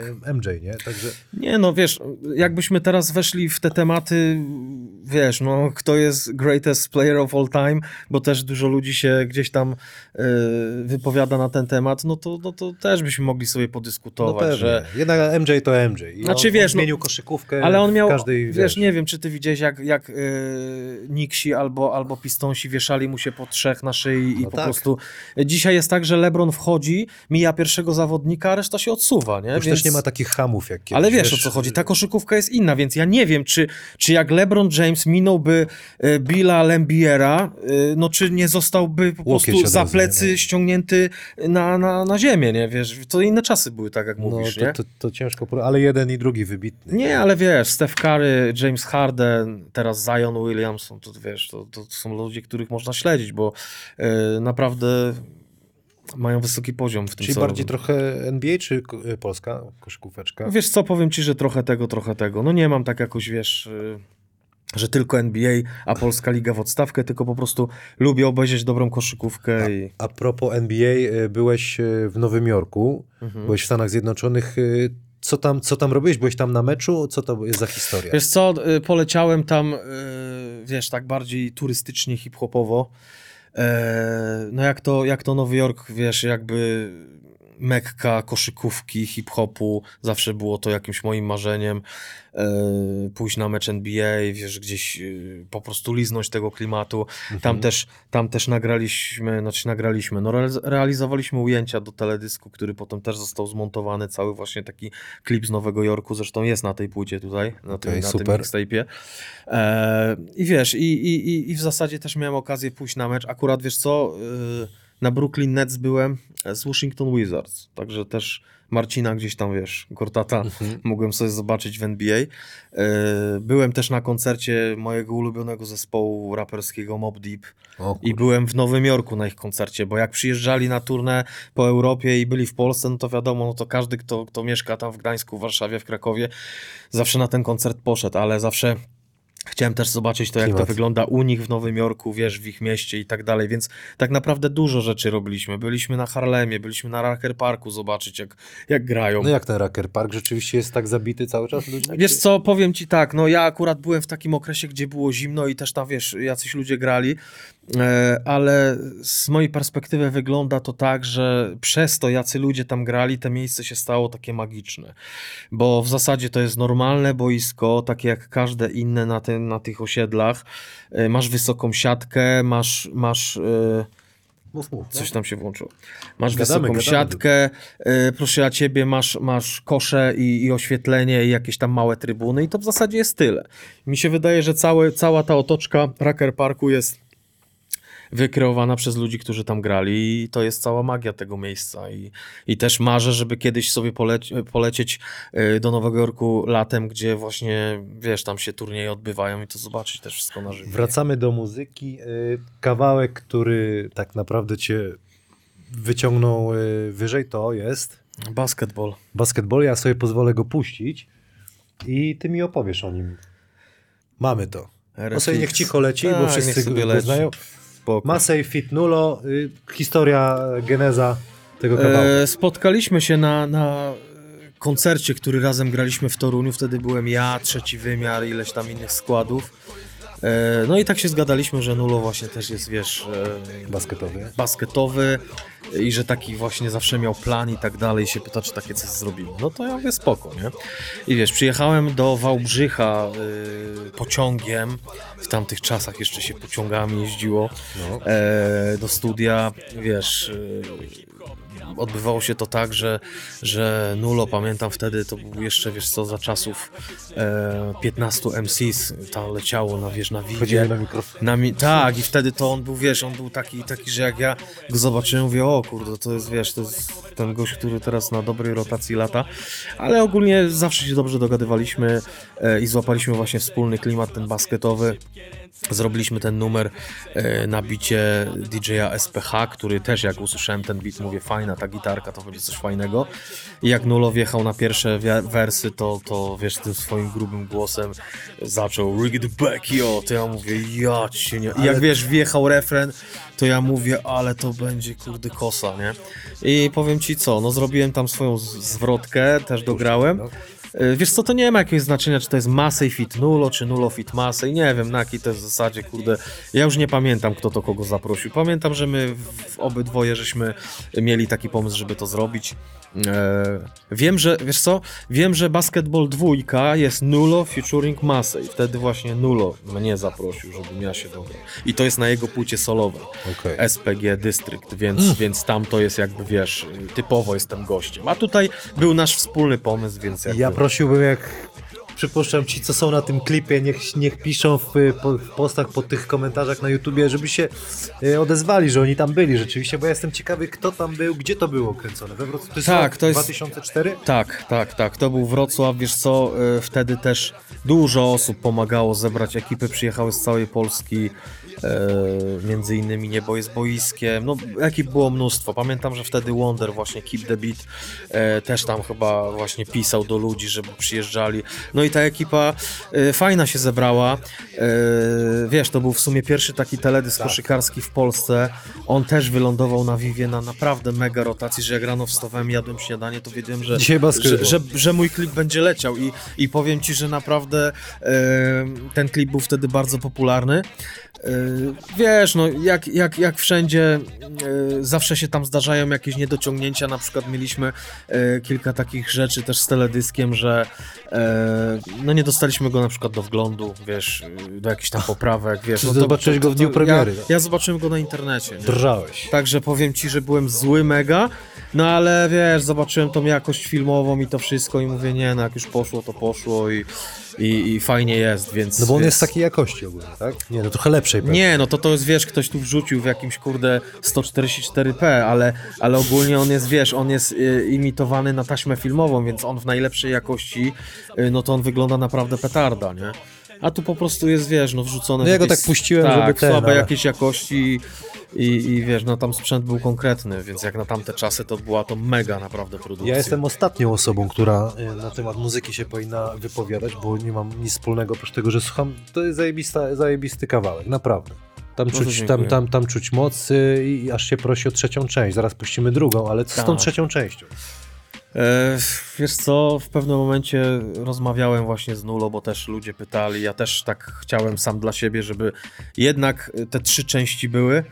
Ciężko by było coś, coś takiego wykminić nowatorskiego, bo w drugiej części, wiesz, y, my przebrani za dziadków, na początku Marcin Gortat w samochodzie z nami, potem Maciej Puścimy, Zieliński, puścimy, no. wiesz, to były takie smaczki, gdzie ci ludzie w ogóle na tych płotach, wiesz, wiszący, Kacpa siedzący na obręczy, jak, jak w klipie Nighty Manager, to była fajna rzecz i ci powiem, że przeskoczyć to by było ciężko, ale wiesz, jest kilka, tam chyba z 8 lat po premierze Basketball 2, Dobry moment. są po teraz, pandemii teraz. słuchaj, są teraz tacy kozacy nawet od wsadów jak Grabo czy Lipek.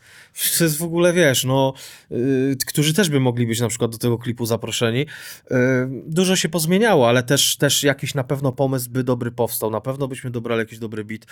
Y, kwestia, że ja jestem na tak, to ty już musisz z Nulo rozmawiać, jak będzie na ja, wywiadzie. Ja, ja tutaj. y, Ja się dzisiaj z nim w ogóle spotykam, więc też jeszcze z Pogadacie. nim pogadam, ale wiesz, no nie ma na siłę co też namawiać, jeśli ktoś nie chce. Nie chce.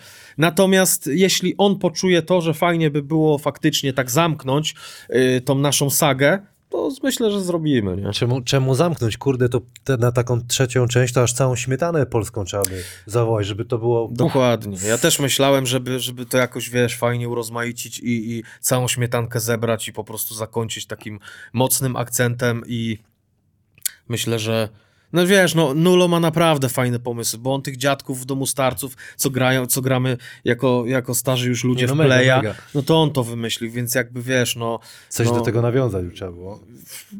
Wiesz, no może, może i nie, ale, ale generalnie mówię tylko to, że ma dobre pomysły i na pewno jakbyśmy usiedli, byśmy coś dobrego wykminili. Czy wy się zamykacie tylko na swoje osoby, czy jesteście otwarci na innych raperów, którzy w koszykówkę kochają, gdzieś grali?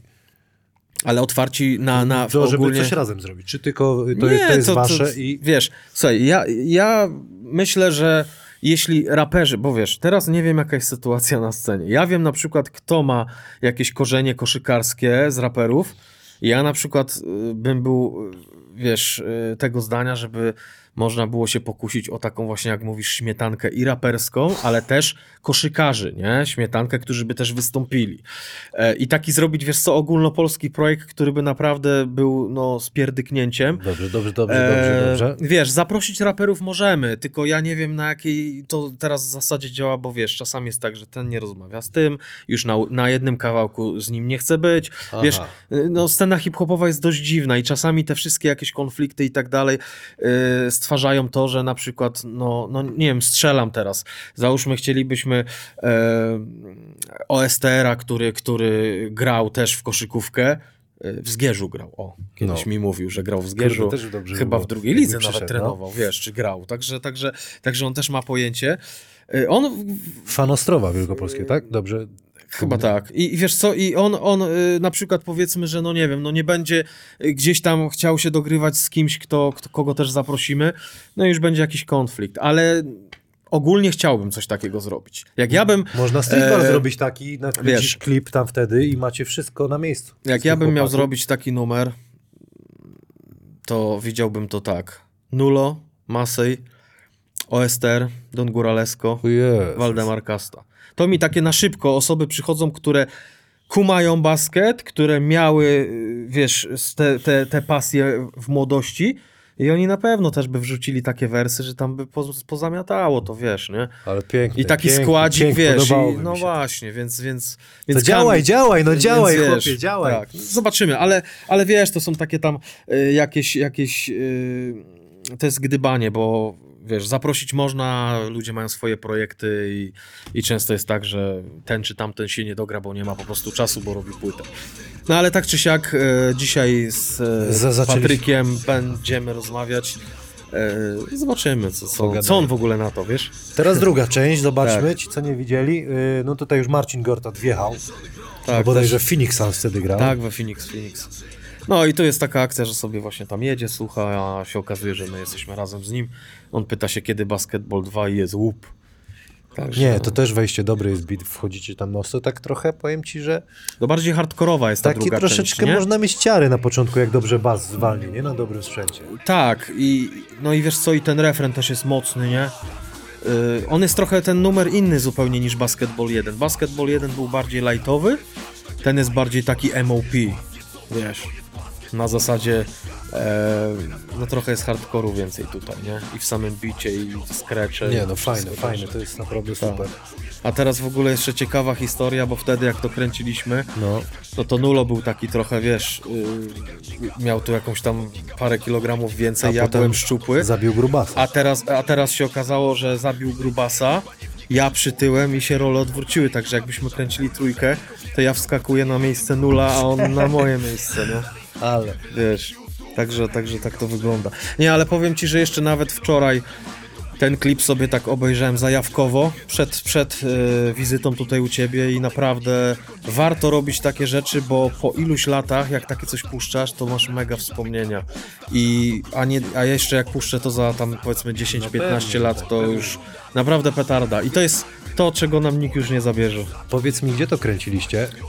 E, To było e, w Krakowie kręcone na tym kompleksie e, studenckim, wiesz? AWG chyba coś takiego. Tak. I, I tam też parę osób fajnych przyjechało i no i też jak tu widzisz Mieszko Włodarczyk. W ogóle no. tak. Masy. Także, także fajna pamiątka i, i mówię, będziemy się starali może faktycznie jak, podejść, mówię. podejście, Trzeba trójkę- podejście zrobić do trójeczki, nie? Trzeba, trzeba, trzeba, bo to fajne rzeczy. Myślę, że już wiesz, też jesteście starsi o czymś innym, porównać to wszystko można. No jest o czym gadać też, nie? Tak, dokładnie. Chyba, że się nie... No się podja... Nie, podjara... nie. Podjara... podjarałem Nie, się, bo po prostu bym chciał, wiesz... Ja wiem, ja wiem, ale to wiesz, to jakby twoją energię przenieść na, na Patryka, to, no spoko, byście nie? już to już, byśmy, to już byśmy klip robili, wiesz? Tak. Także jak, jak, jak y, wiesz, zaprosisz go do programu, to będziesz mógł go wałkować. Zaprosiłem nawet e, e, Waldek Kastan, pomógł mi w, tym, żeby, żeby tutaj Nulo się pojawił. Fajnie, fajnie będzie, zresztą e, może to zobaczy. Chciałem zapytać się właśnie o tą... Była, była muzyka. To jest... Któryś, który to jest rok właściwie, ten drugi kawałek? 2012. No do tego czasu parę płyt wyszło, tak? Jak to było? Bo tam, nie, przepraszam, 2009, jeśli dobrze sprawdzę. 5, pierwsza legalna płyta, tak? Tak, O co tak. to chodzi? Legalna, nielegalna? Znaczy wiesz co, no wcześniej wydawałem takie nielegale pięć takich płyt nieoficjalnych, nie? Które były gdzieś tam przegrywane, dawane na koncertach i tak dalej. A ta pierwsza legalna płyta, Nowa Jakość, ona została wydana przez wytwórnię Rapin, przez warszawską wytwórnię. E, I ona trafiła do sprzedaży do wszystkich sklepów e, tych empików, nie empików w całej Polsce. I to jest na zasadzie oficjalna, legalna, wiesz Okej. na tej zasadzie, nie? Wiesz, dzisiaj raperzy trochę inaczej robią, bo już sami siebie wydają, nie? Więc jak dzisiaj masz hajs, to masz legalną płytę, i, a kiedyś musiałeś zasłużyć na to, żeby wytwórnia zaproponowała ci kontrakt i to było takie, wiesz, takie wow, że ktoś chce cię wydać. A dzisiaj masz hajs i wydajesz siebie sam i, i dystrybucję y, ci robi dana firma i po prostu, wiesz, nie ma w tym już takiego wow. E, No i potem poszedłeś w eventy też, tak? Myślisz, może łączyłeś muzykę, Mhm. koncerty, plus jakby, tak dobrze mówię, eventy. Y, tak. Zmierzam ku bardziej współpracy z Prokomem, który wtedy rządził i dzielił. Mhm. Y, Co tam, czym tam się zajmowałeś? Wiesz co, tam dostałem. Yy, znaczy, zaczęło się od tego, że mm, PZ Kosz zaprosił mnie, Marek Maliszewski zresztą, którego bardzo pozdrawiam, fajny gość. E, zaprosił mnie do takiego pomysłu, żeby na meczach kadry Polski coś tam porapować, nie? W stroju Polski, wiesz, i tak dalej. I w jednym, na jednym z takich spotkań y, były y, osoby z marketingu, e, z Prokomu, pani Gosia i pani Iza. E, No i po tym spotkaniu dostałem, pamiętam chyba jakiś tam telefon właśnie, że e, jest zainteresowanie, żebym e, takie występy Mhm. przeniósł na mecze Prokomu. No i jakby wiesz, no przyjąłem tą ofertę, bo była bardzo fajna, jeśli chodzi o jakieś też takie yy, taką, wiesz, jakby sytuację, że mogę yy, z taką drużyną jak Prokom się połączyć, żebym ich dopingował swoimi utworami, występami yy, w przerwach meczu. Potem z czasem doszło do tego, że robiłem też prezentację zawodników przedmeczową, Więc jakby ta współpraca była taka fajna, że na tej zasadzie, że to była nadal koszykówka, wiesz. Ja się jarałem prokomem, tam tacy zawodnicy grali, że wiesz, miałem wtedy możliwość poznania ich, rapowania na tych meczach, potem kręciliśmy też teledysk. Z Atkinsem grałeś E, przeciwko tak, nim. jeszcze, nie tak. mówiłeś. I wiesz, i zawsze nawet jak właśnie rapowałem na tych meczach, zawsze z tymi zawodnikami e, miałem dobry klimat, mogłem sobie porozmawiać, gdzieś tam pójść na trening. No naprawdę fajnie to wspominam, ten prokom, tam byłem 7 sezonów chyba. E, wspominam Z to. Maćkiem Turowskim, tam też z Gambitem. Tak, z Gambitem żeśmy jeździli. E, No w sumie to się zaczęło od tego meczu kadry, e, gdzie, gdzie właśnie tam nas marketingowcy prokomowy patrzyli i, i powiem Ci, że z tak z perspektywy czasu fajna to była przygoda. Na pewno e, dopingowanie tego i, i to, że to jest jednak koszykówka.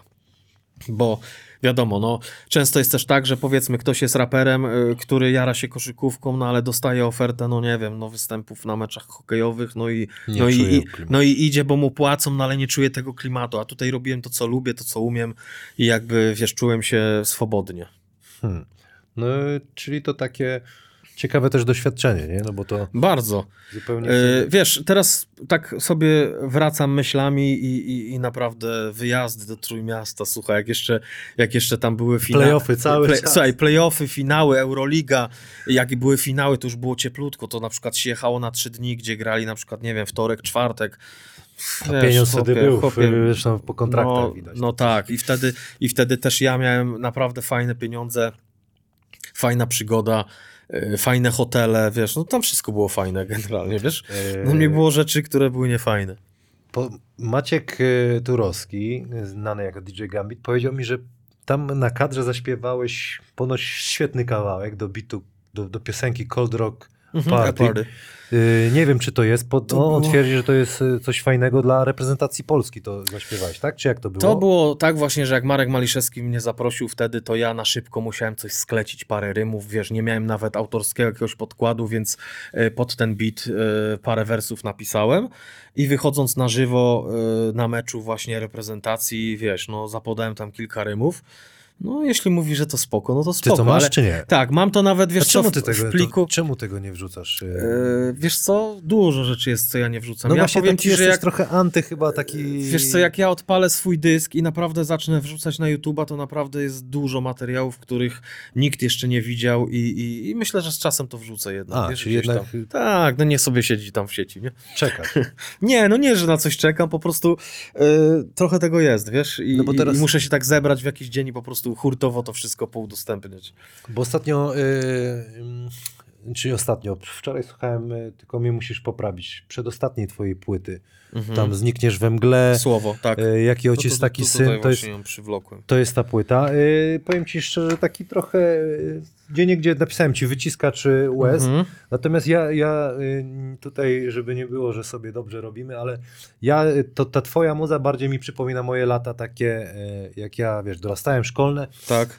No jest fajne. Do mnie, do mnie trafia, co prawda stwierdziliśmy, że robimy się starsi, ale to, to jest y, bardzo, bardzo fajne. I do czego, i o co ja chciałem y, zapytać, kurczę, o co ja chciałem, nawiązałem do tej płyty i teraz musisz mi, mi, mi pomóc. Y, Chodzi ci o stylistykę kawałków, że to się trochę No zmieniło właśnie, od że tego gadaliśmy, klimatu? gadaliśmy, że porównując właśnie, ty jesteś taki, że cofasz mnie w czasie, Mhm. a, a jednak ten no, nowy rap jest zupełnie troszeczkę inny. To, Wiesz co, to, to wygląda tak. Na przykład na tej płycie też się pojawiło kilka tam kawałków życiowych. I teraz wytłumaczę pokrótce, jak to no, wygląda. Dawaj. Jakby można było, to yy, i miałbym wenę, to wydawałbym same numery, nie wiem, yy, streetballowo, koszykarsko, rapowo, osiedlowe. Ale to się z czasem też nudzi, nie? Też, też jakby sam dla siebie, chcąc jakieś swoje przemyślenia czy emocje wrzucić na beat, No. Dlatego powstaje taki kawałek jak Zanim znikniesz we mgle, czy jakieś tam inne utwory, które też są cięższe. Nie wszystkie numery są fajne, przyjemne i jakieś takie, wiesz, e, pozytywne, ale to się też bierze z tego, że no, człowiek im jest starszy, też ma jakieś tam przeżycia swoje Do, do i, zmierzam, I wiesz, i, i teraz y, jak to jest? No ja się nie mogę zatrzymać w czasie i na przykład ziomki, które kiedyś mnie słuchały, mówią, no tak, no kiedyś robiłeś fajne numery koszykarskie, tego i tamtego, a teraz już robisz słabą muzykę. No dobra, no to skoro zrobię słabą muzykę, no to okej, no ale ja w danym momencie tak czuję. Y, Co jakiś czas też mi przychodzi zajawka na te właśnie starsze klimaty i tam z dwa, trzy numery zrobię na takich klasycznych bitach i taki jakby ala powrót do korzeni. Ale też na siłę, wiesz co, nie staram się wbijać w te nowe kanony. Czyli po prostu robię taką muzykę, jak w danym momencie czuję. Broń Boże, nie wbijam się w to, co jest teraz modne, popularne i co się może sprzedać, bo jakby, no nie wiem, no nie czuję tego całkowicie. Ale też mówię, nie jestem gościem, który będzie na każdej płycie nawijał o koszykówce, o boiskach, że basket, bo teraz już by był basketball numer 49 pewnie, nie? Więc wiesz, to, to, to by było nudne, nie? No na pewno, tak. E, dlatego mówię, niektórzy na przykład, o, biorą płytę i mówią, o, fajnie, graffiti, będzie coś o koszykówce. No niestety, no nie będzie tu o koszykówce, ale za to jest na przykład e, kilka innych fajnych kawałków, gdzie e, też zahaczam o takie, wiesz... e, Chory film, bardzo mi się podobał. no Tam- to jest, tam widzisz, to, ostro, to jest taki mocny, na przykład w stylu Słonia numer, gdzie, yy, gdzie ktoś by na przykład powiedział, że kurde, Masej nigdy nie nagra takiego numeru, bo on to jest, yy, on jest y, koszykarski, nie? Nie, no tam Ten dobrze, nie? Wiesz, Tam- tam ostro no idziesz. i tam, i wiesz, i ktoś, kto na przykład przesłucha taką płytę, yy, Wiesz, no jest, słuchaj, większość jest ludzi, co jeśli słucha mojej muzyki, to rozumie te y, jakby postępowanie y, tego czasu. Że wiesz, no nie może to wszystko stać w 90, kurde, ósmym, nie? No by nie, no ja rozumiem. Natomiast wiesz. ja po powiedziałem, przesłuchałem y, fajne kawałki, bardzo do mnie trafiły. Zresztą, tak jak mówisz, im robimy się starsi, pewne rzeczy są y, Dokładnie, dla nas y, wiesz. bliższe. No już nie będziemy nawijali cały czas o zajawce, o chłopakach, No tak, o, o tak, trawce tak. na ławce i tak dalej, wiesz, to już jest o przemijaniu, wiesz, to już jednak z wiekiem. dokładnie, więc... Y, to jest twoja przedostatnia płyta. Tak, Y, jaka jest ostatnia? O, ostatnia płyta to jest y, album taki, wiesz co, pod tytułem Jestem stąd. Mhm. I na tym albumie, wiesz co, znalazła się taka kompilacja numerów, które były wydawane y, tak pojedynczo. I tam kilka numerów dograłem, ale to jest taka płyta ala składanka, Okej. czyli, czyli dany numer, który na przykład nie znalazł się na żadnej płycie, to znalazł się na tej płycie. Dobra, czyli mówisz, Tak. że w szafie masz jeszcze sporo. Oj, sporo, wiesz, i cały czas coś też nagrywam, więc jakby... Właśnie teraz coś Y, się szykuje nowego? Pracujesz Wiesz co, czymś? wiesz co, ja teraz już tak robię y, tą muzykę trochę hobbystycznie i nie mam już takiego parcia, że y, na przykład, no nie wiem, muszę wydać płytę w tym roku, bo, Okej. bo jak wydam płytę, to będą koncerty czy coś w tym stylu, nie? Wiesz, robię to, mam też dużo innych zajęć i, i, i pomysłów i zajawek i, i rzeczy, które mi przynoszą pieniądze i jakby y, zobacz, co jest ważne. Y, w tym momencie muzyka przynosi mi już mniej pieniędzy niż kiedyś, a nadal ją robię i nadal mam pomysły. Więc to też świadczy o tym, że no jednak lubię to robić i, i, i chyba będę to robił, nie? Fajnie. Tak. Fajnie, Więc- fajnie. No dobra, to tak podsumowując, y, zanim będzie konkurs y, rzutowy, basketowe kawałki. No wiadomo, basketball Mhm. 1, basketball 2, killer crossover, Tak, e, Basket rządzi miastem, to jest taki numer tam z nielegala takiego mojego. E, potem jest e, Pewność i Siła, też jest utwór z nielegala mojego. Mhm. E, wiesz co, tych numerów jest z 8 chyba, czy z 10. I ostatnio jeszcze klip, y, utwór dla twojego y, klubu Notecino No Wrocław. Tecino Wrocław, tak, Skąd to jeszcze, skąd to pomysł, jakbyś nawiązał? Wiesz co, ja już dawno miałem pomysł, żeby coś takiego zrobić, ale e, jeden tutaj właśnie z moich kolegów, Damian Budziński, wyszedł z taką propozycją, żebyśmy się w końcu z tym ruszyli i żeby takie coś powstało. Mhm. E, wiesz co, no i w końcu się zebraliśmy do tego i, i, i finalnie powstało to. Powstało to, to co kiedyś miałem już, wiesz, y, miałem zamiar dawno temu to zrobić, ale wiesz jak to jest, czasami masz jakiś pomysł, który leży kilka lat i, i, nie można go zrealizować. Powiedziałeś, że nie ruszasz się jakby, y, bo, bo gdzieś tam problemy ze, ze zdrowiem. Kiedy ostatni raz do kosza rzucałeś? Wiesz co, s- na sali byłem jakieś trzy tygodnie temu. Byłeś, czyli rzucałeś. Coś tam rzucałem, nie? Coś tam rzucałem i... E, no i coś tam klepałem, nie? Jakieś, wiesz, jakieś, jakieś kozłowanko było, także... pięć prawą, pięć lewą Tak? i trzy, powiedzmy, będę ci No, ale on- przeszkadzał, ale on- ci coś na stojąco. Na stojąco? Tak, tak. Ale on, ale on pod, sko- pod takim kątem Musisz, stoi. musisz dobrze sobie tam możesz Dobra. możesz się ustawić. Tak? Możesz walić w tapczan, wiesz co tapczan, nie? Tak, wiem o tablicy. Albo Słyszałem. babunia. Albo babunia. To co, lecisz. Wiesz Prawa. No dobra. Oj, za, za, jednak tapczan walił. Oj, to ci powiem, że miałem Może- dużo. No, siły trochę mam dużo. O Jezu, to było w ogóle nie trafione. 0,4, pan Adam zawsze mi liczy, ale ci... Powiem szczerze, że... A nie masz normalnej piłki? Nie, nie mam, nie mam. Wow. To był airball, Airball, tak? lewa. To pewnie lewą coś trafię. Raz, dwa. Dwa. No to czyli dawno byłem na sali. A wiesz, że to jest obciach, nie? Trzy. Koleś, który grał tyle lat w koszykówkę nie trafi żadnego rzutu. Cztery. Dobra, cztery. Pięć. Jeszcze, jeszcze jakieś rzuty będą? Trzy ci przeszkadzam, ale nie wiem, czy to będzie A, słychać. to pewnie jak widzisz przez... O, widzisz, dlatego musiałem puścić. To widzisz. Jeszcze dwa. Prawo, nie? Jak Prawo. Jak chcesz. nie wiem, chyba lewą lepiej.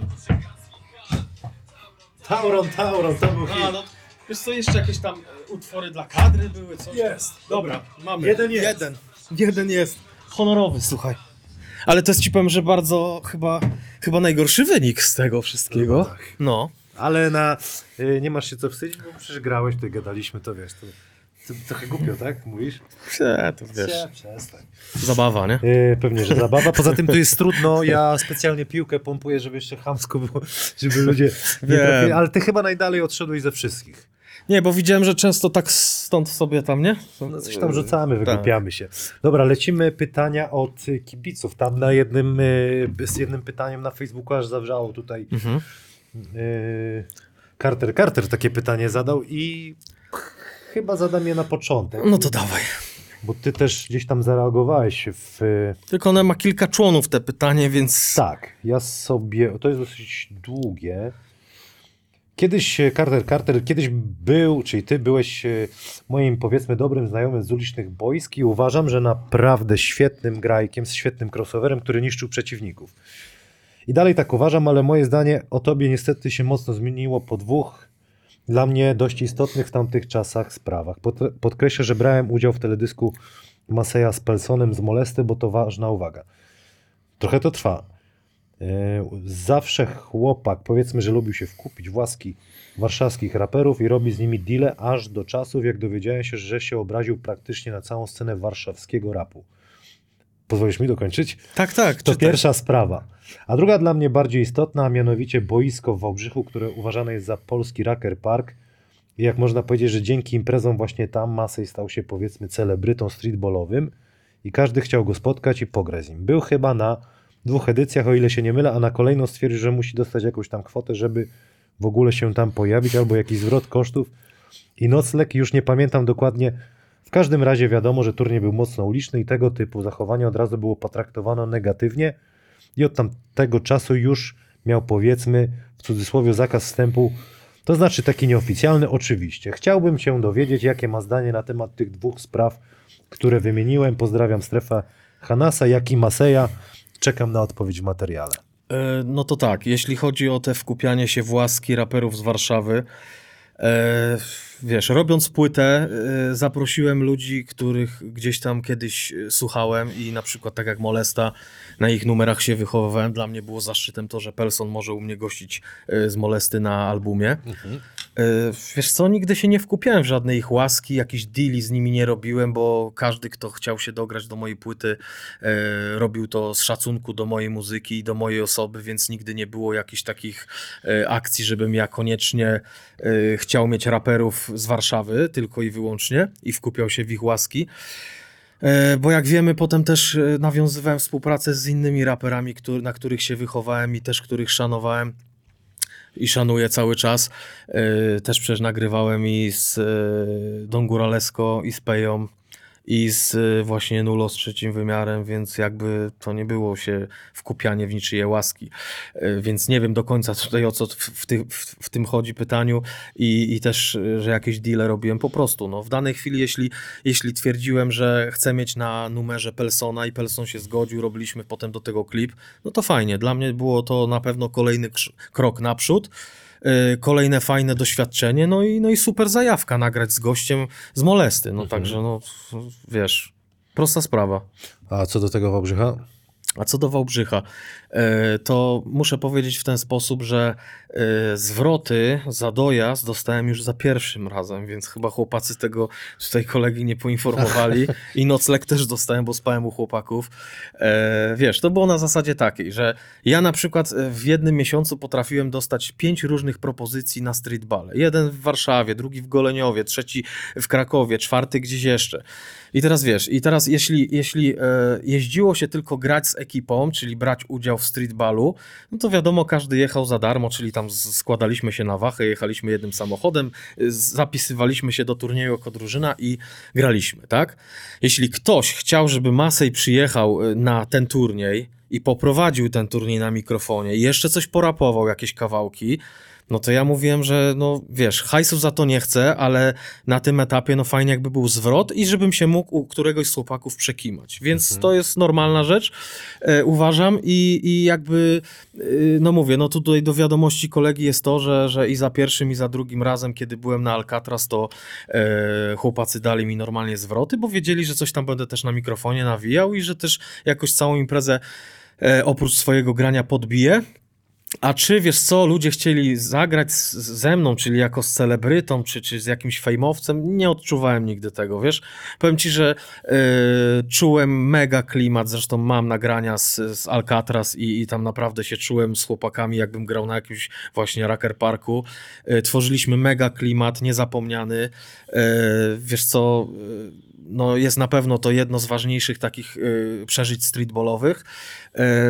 A czy jakiś mam nieoficjalny zakaz? Wiesz co, nie wiadomo mi nic o tym, bo jeszcze parę lat temu, e, jak był charytatywny mecz e, bodajże w Wałbrzychu, to też właśnie z Bożemem, z który to wszystko na Alcatraz organizuje, żeśmy się widzieli.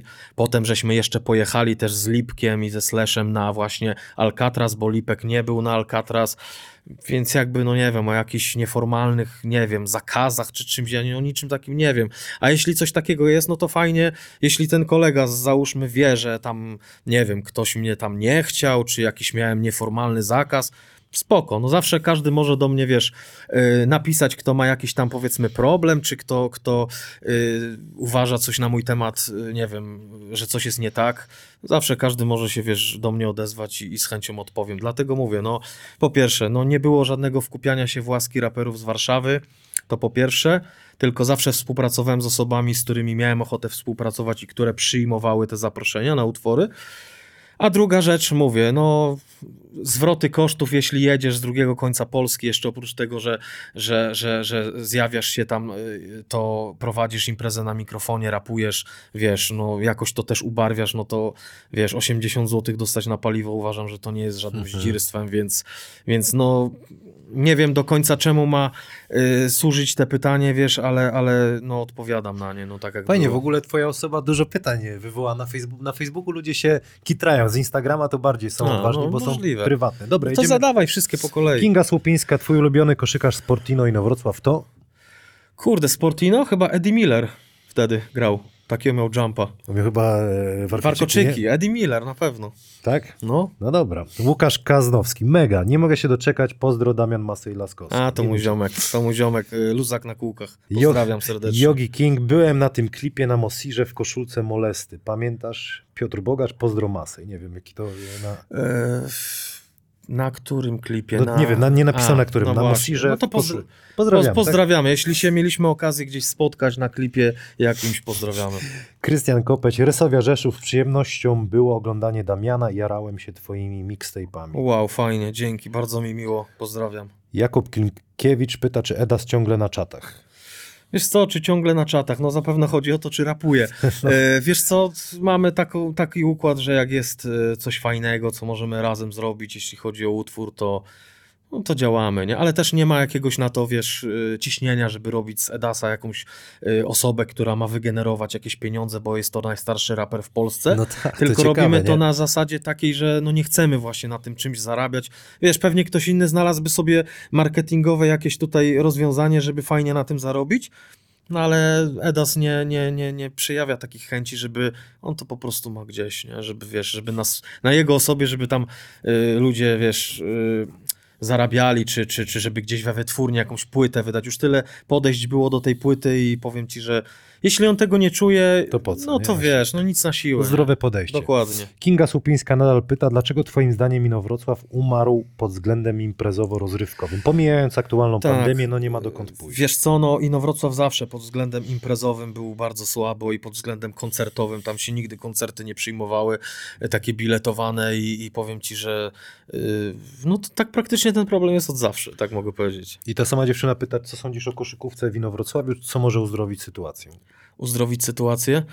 E, Wiesz co, no w tym sezonie Noteć idzie bardzo dobrze, jak burza, więc wiesz... Li- no, liderem jest chyba, nie? W No więc, lidze. więc ja nie wiem, co tutaj uzdrawiać, ale zapewne chodzi o dawne czasy, No kiedy wiesz, powrót. grał Austin Molinari i cała reszta. Te czasy nie wrócą, także trzeba się skupiać na tym, co jest teraz. Chłopacy są młodzi, walczą. E, Niech ugrają tyle, ile mogą i życzę im powodzenia. Yy, Yogi King dalej pyta, czy Masej pamięta te dwie panny, co siedziły jak latawce na klipie do basketball, wycięte z wideo? Absolutnie. I tam Tak, e, tak, pamiętam. Była sytuacja, że dwóch raperów z Wrocławia przyjechało na plan tego klipu. Oni chyba się tam z nulem troszeczkę znali. To była taka kapela LSZRIM. I wiesz co? I oni te dziewczyny przywieźli ze sobą, żeby one tam zagrały. Ja byłem trochę przeciwny, mówię, że to jest klimat streetballowy i tak dalej. No ale wiesz co, no jakoś to przepchnęli, że, że kurde, Darek Shermanowicz mówi, dobra, dziewczyny tutaj tańczą, jakieś tam pompony dostały e, i miały być w tym klipie, wiesz co? I, i, i, i po wszystkim chyba e, podczas montażu, bo ja nawet tam nie miałem wglądu do tego montażu, one zostały, że tak powiem, wycięte, w ogóle nie, niewykorzystane sceny z nimi zostały e, przez e, właśnie grupę 13, przez Darka Shermanowicza, który to montował, więc jakby ja nie miałem na to wpływu, ale tak, pamiętam, Dobrze się wiły? Wiesz co, jedna była wysoka, druga była niska. y, czy się dobrze wiły, to tam nie pamiętam, ale wiem, że y, patrząc z perspektywy czasu, chyba dobrze, że y, zostały wycięte, bo to wiesz co, takie było na siłę, że przyjechało dwóch chłopaków. Trochę Ameryki chciał się. gdzieś tam chcieli swoje chyba dziewczyny czy koleżanki wkręcić w ten klip. No i wiesz, taka sytuacja dziwna jakaś. Tony Parker, ale to nie ten, Tony, Mhm. ale z Facebooka pytanie, jak dogrywałeś, dogrywaliście sezon w Noteci na Wrocław bodajże w sześciu, chyba Szubarga wtedy tam grał, Nie grał. nie grał, czyli już go prostujemy. Pierwsze, czy graliście za Friko? Wtedy Krzysiu grał w świeciu, w Polpaku. A y, tak, graliśmy za free, no to był taki sezon, wiesz, spadkowy i tak jak ci wcześniej mówiłem, ja z boiska streetballowego wszedłem do ekstraklasy, więc chyba też jakiś y, nowy, nowy taki, wiesz, rekord ustanowiłem, bo nie wiem, czy ktoś tak w ogóle zrobił kiedyś, nie? Też ciekawe, no niech nam Wiesz, powiedzą. no, niech się ktoś- powiedzą, nie? Ale, ale y, y, tak, nie dostawaliśmy hajsu, no to był taki sezon, wiesz, kurde, nie? Ale wspominam i tak fajnie. Drugi, czy jeździliście na spotkanie w dniu meczu, bez noclegu, żeby zmniejszyć koszty? No pewnie. No. I to jakimś takim mniejszym busem, kurde, często. Znaczy nie dochodziło jeszcze do tego, że własnymi samochodami musieliśmy, ale jakimś tam mniejszym busem, tak. I ostatnie te, Tony Parker pyta, czy musieliście sami płacić za wachę na wyjazdy? Pozdrawiam. Nie, no tak aż nie było, nie? Tak aż nie było, bo, bo to już by była paranoja, więc yy, nie, no za, za benzynę nie płaciliśmy sami. Mariusz Kolekta, następne pytanie. Cześć Damian, czy z perspektywy czasu nie żałujesz, y, nie żałujesz, przecinek, nie zjada cię ciekawość, jakby to było grać za granicą, że jednak nie wyjechałeś grać gdzieś z Polski, bo miałeś sporo ofert swego czasu. Co byś dziś doradził młodym koszykarzom zaczynające swoje przy... zaczynającym swoje przygody w basket? O, wiesz co, to jest bardzo dobre pytanie, bo swego czasu właśnie Łukasz Kaznowski, czyli luzak na kółkach, e, zajmował się takimi moimi jakby ofertami, które też rozsyło po klubach gdzieś tam w Belgii, w Szwecji, wiesz. I było parę takich e, e, sytuacji, że ktoś się odezwał, było zainteresowanie. E, wiesz co, mi się wydaje, że nie byłem wtedy jakoś chyba mentalnie gotowy na jakiś taki wyjazd i tak byłem, wiesz, zasiedziały na miejscu. Mhm. I, I też, też mógłbym powiedzieć, że na przykład e, wcześniej, wiesz, mając dobrą formę, mógłbym bez problemu pojechać i spróbować w Stanach na tych, na tych e, były takie open runy na Enduanach, czyli e, wiesz, e, przed całym pokazem Enduana mogłeś pójść i się zaprezentować. Też fajnie by było, też żałuję, że na takie coś nie pojechałem. No i wiadomo, no nie wiadomo jakby to było, jakbym sobie pojechał do Belgii, do jakiejś powiedzmy słabszej ligi, no i tam sobie za fajne pieniążki, kurde, grał, może też by było fajnie, no ale czasu już nie cofnę. cofniesz. Krzysztof y, Jarosz pyta, y, beton czy parkiet? Kto wpadł na pomysł wspólnych numerów z Edasem? E, To najpierw odpowiem na te drugie. E, Wiesz co, wspólne numery. No to, to ja wpadłem na taki pomysł, żebyśmy razem coś w końcu zrobili, skoro jesteśmy w sumie takimi przyjaciółmi, mamy tą samą zajawkę i, i, i wiesz, y, i ode mnie to gdzieś wyszło, żeby razem coś nawijać. I fajnie to wychodziło. Natomiast beton czy parkiet? Mhm. Y, Wiesz co, no zależy kiedy. No, no, wiesz, jest fajnie pograć na parkiecie, na, na, na fajnej hali, ale nie na tym gumolicie, który naprawdę daje po stawach, tylko na takim starym parkiecie to jest bardzo fajna gierka, wtedy wszystko też się wsady nawet lepiej robi, się skacze, wiesz, wyżej. Miękko. Ale na betonie tak samo, no streetball, wiesz, no, no co jak, nie? No to tak samo, wiesz, i beton i parkiet. Smoking Trees. Następne pytanie. Cześć, Masy. Jak wyglądała sprawa współpracy z Eladę? Zdaje się, że była to jedna z pierwszych umów streetwearowo-koszykarskich. Na jakich zasadach współpracowaliście? Jak to się stało, że firma, firmy od, firma odbiła już od basketu cały czas Mam Jersey, który trafił od ziomka do ziomka od ciebie? Dzięki. Wiesz co, to była firma z Torunia, y, która zaproponowała mi jakąś taką współpracę, że będą mnie ubierali. E, I wiesz co, i przez to, że ja też jeździłem na te turnieje, oni z czasem postanowili szyć takie, wiesz, no stroje też koszykarskie. Ale tutaj odnosząc się do tego pytania, no nigdy to nie była firma, która coś tam miała wspólnego ze, z koszykówką, e, tym bardziej uliczną, więc y, jakby wiesz, wydaje mi się, że połączenie mojej osoby z tą firmą sprawiło, że ktoś mógł po prostu skojarzyć, że ta firma gdzieś tam się angażowała w jakieś rzeczy koszykarskie czy streetballowe. E, No a po prostu była zwykłą firmą, taką skate'ową, która, która do dzisiaj tam ubiera właśnie chyba breakdance'owców, ludzi, którzy na deskach jeżdżą i tak dalej. Nie? Więc nasza współpraca była na zasadzie takiej, że oni e, dają ciuchy, dokładają się do różnych takich projektów. E, Też między innymi sfinansowali ten klip basketball, więc więc jakby współpraca była fajna, no ale z czasem wszystko wygasło. Marnyk py, nie, pyta, tylko super, że super z ziomkiem. Pozdrowienia z Prudnika. No to też jesteś super ziomkiem i też cię pozdrawiam. I, i całe... Czytam wszystkich. A, Marcin y, Nykiel, no to jest mój ziomek. co- Marnyk, więc No, no to jest mój ziomek, co z nim do taboru jeździłem na obozy koszykarskie, więc pozdrawiam cię Marcin serdecznie.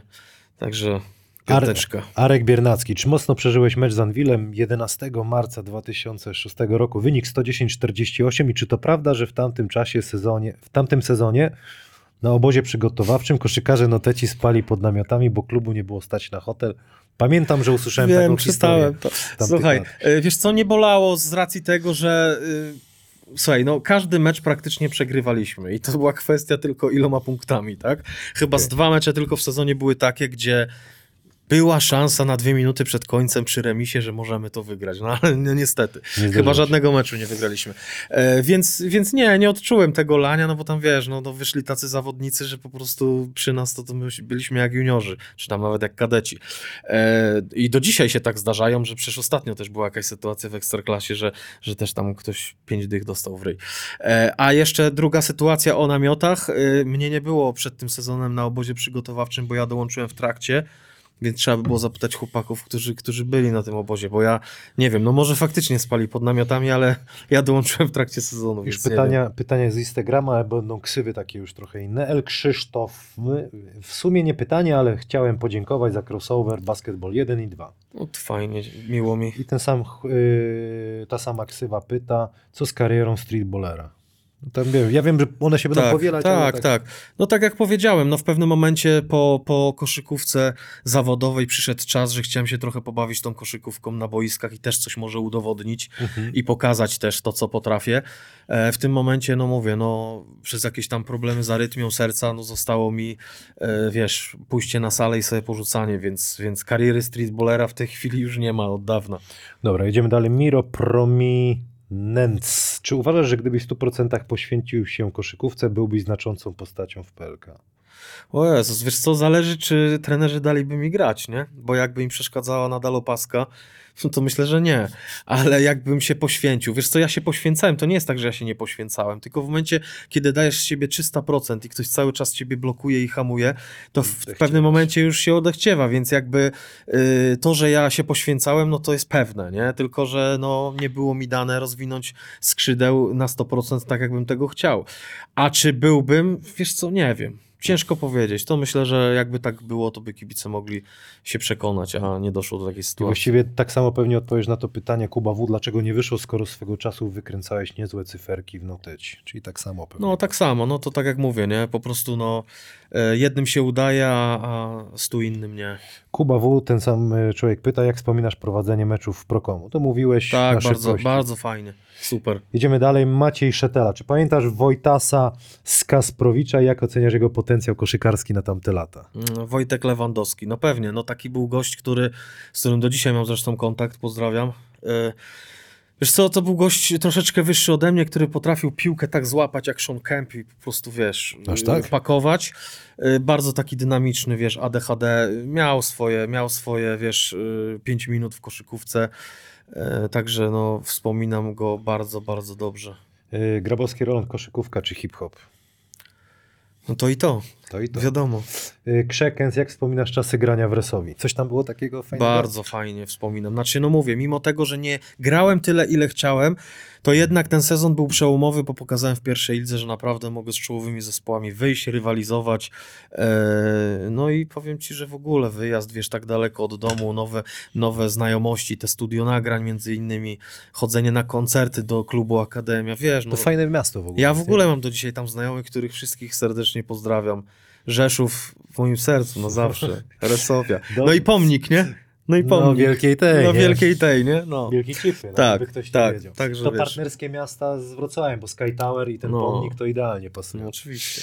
Jak ktoś wie o co chodzi. Gambit DJ pyta, z jakim graczem NBA, którego miał za dzieciaka na, na, za dzieciaka na kartach Upper Deck, jadł w Gdyni na stacji benzynowej chipsy Lays cebulowe. O, to DJ Gambit, Maciek pyta, No tak, Turowski.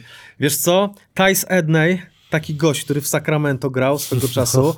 Była taka historia, że przyjechał tam na Euroligę. E, No i potem, wiesz co, się okazało, że w naszym hotelu są, w hotelu Hafner w, w Sopocie. E, No i potem jechaliśmy do pewnego miejsca, o którym nie mogę powiedzieć. Taki klubik nocny. No i powiem ci, że właśnie wysiedliśmy z taksówki i, i wiesz, i ten Tice Edney stanął, kurde, otworzył cebulowe lejsy i tak zaczął je wpieprzać, a ja tak stałem i mówię, kurde, to jest gość, którego ja w NBA oglądałem, jak do Michaela Finleya, wiesz, tam alejupy rzucał, nie? Więc to taka była historia, że, że wiesz, z graczem NBA żeśmy jeździli po Trójmieście, gdzieś po jakieś rumi i tak dalej.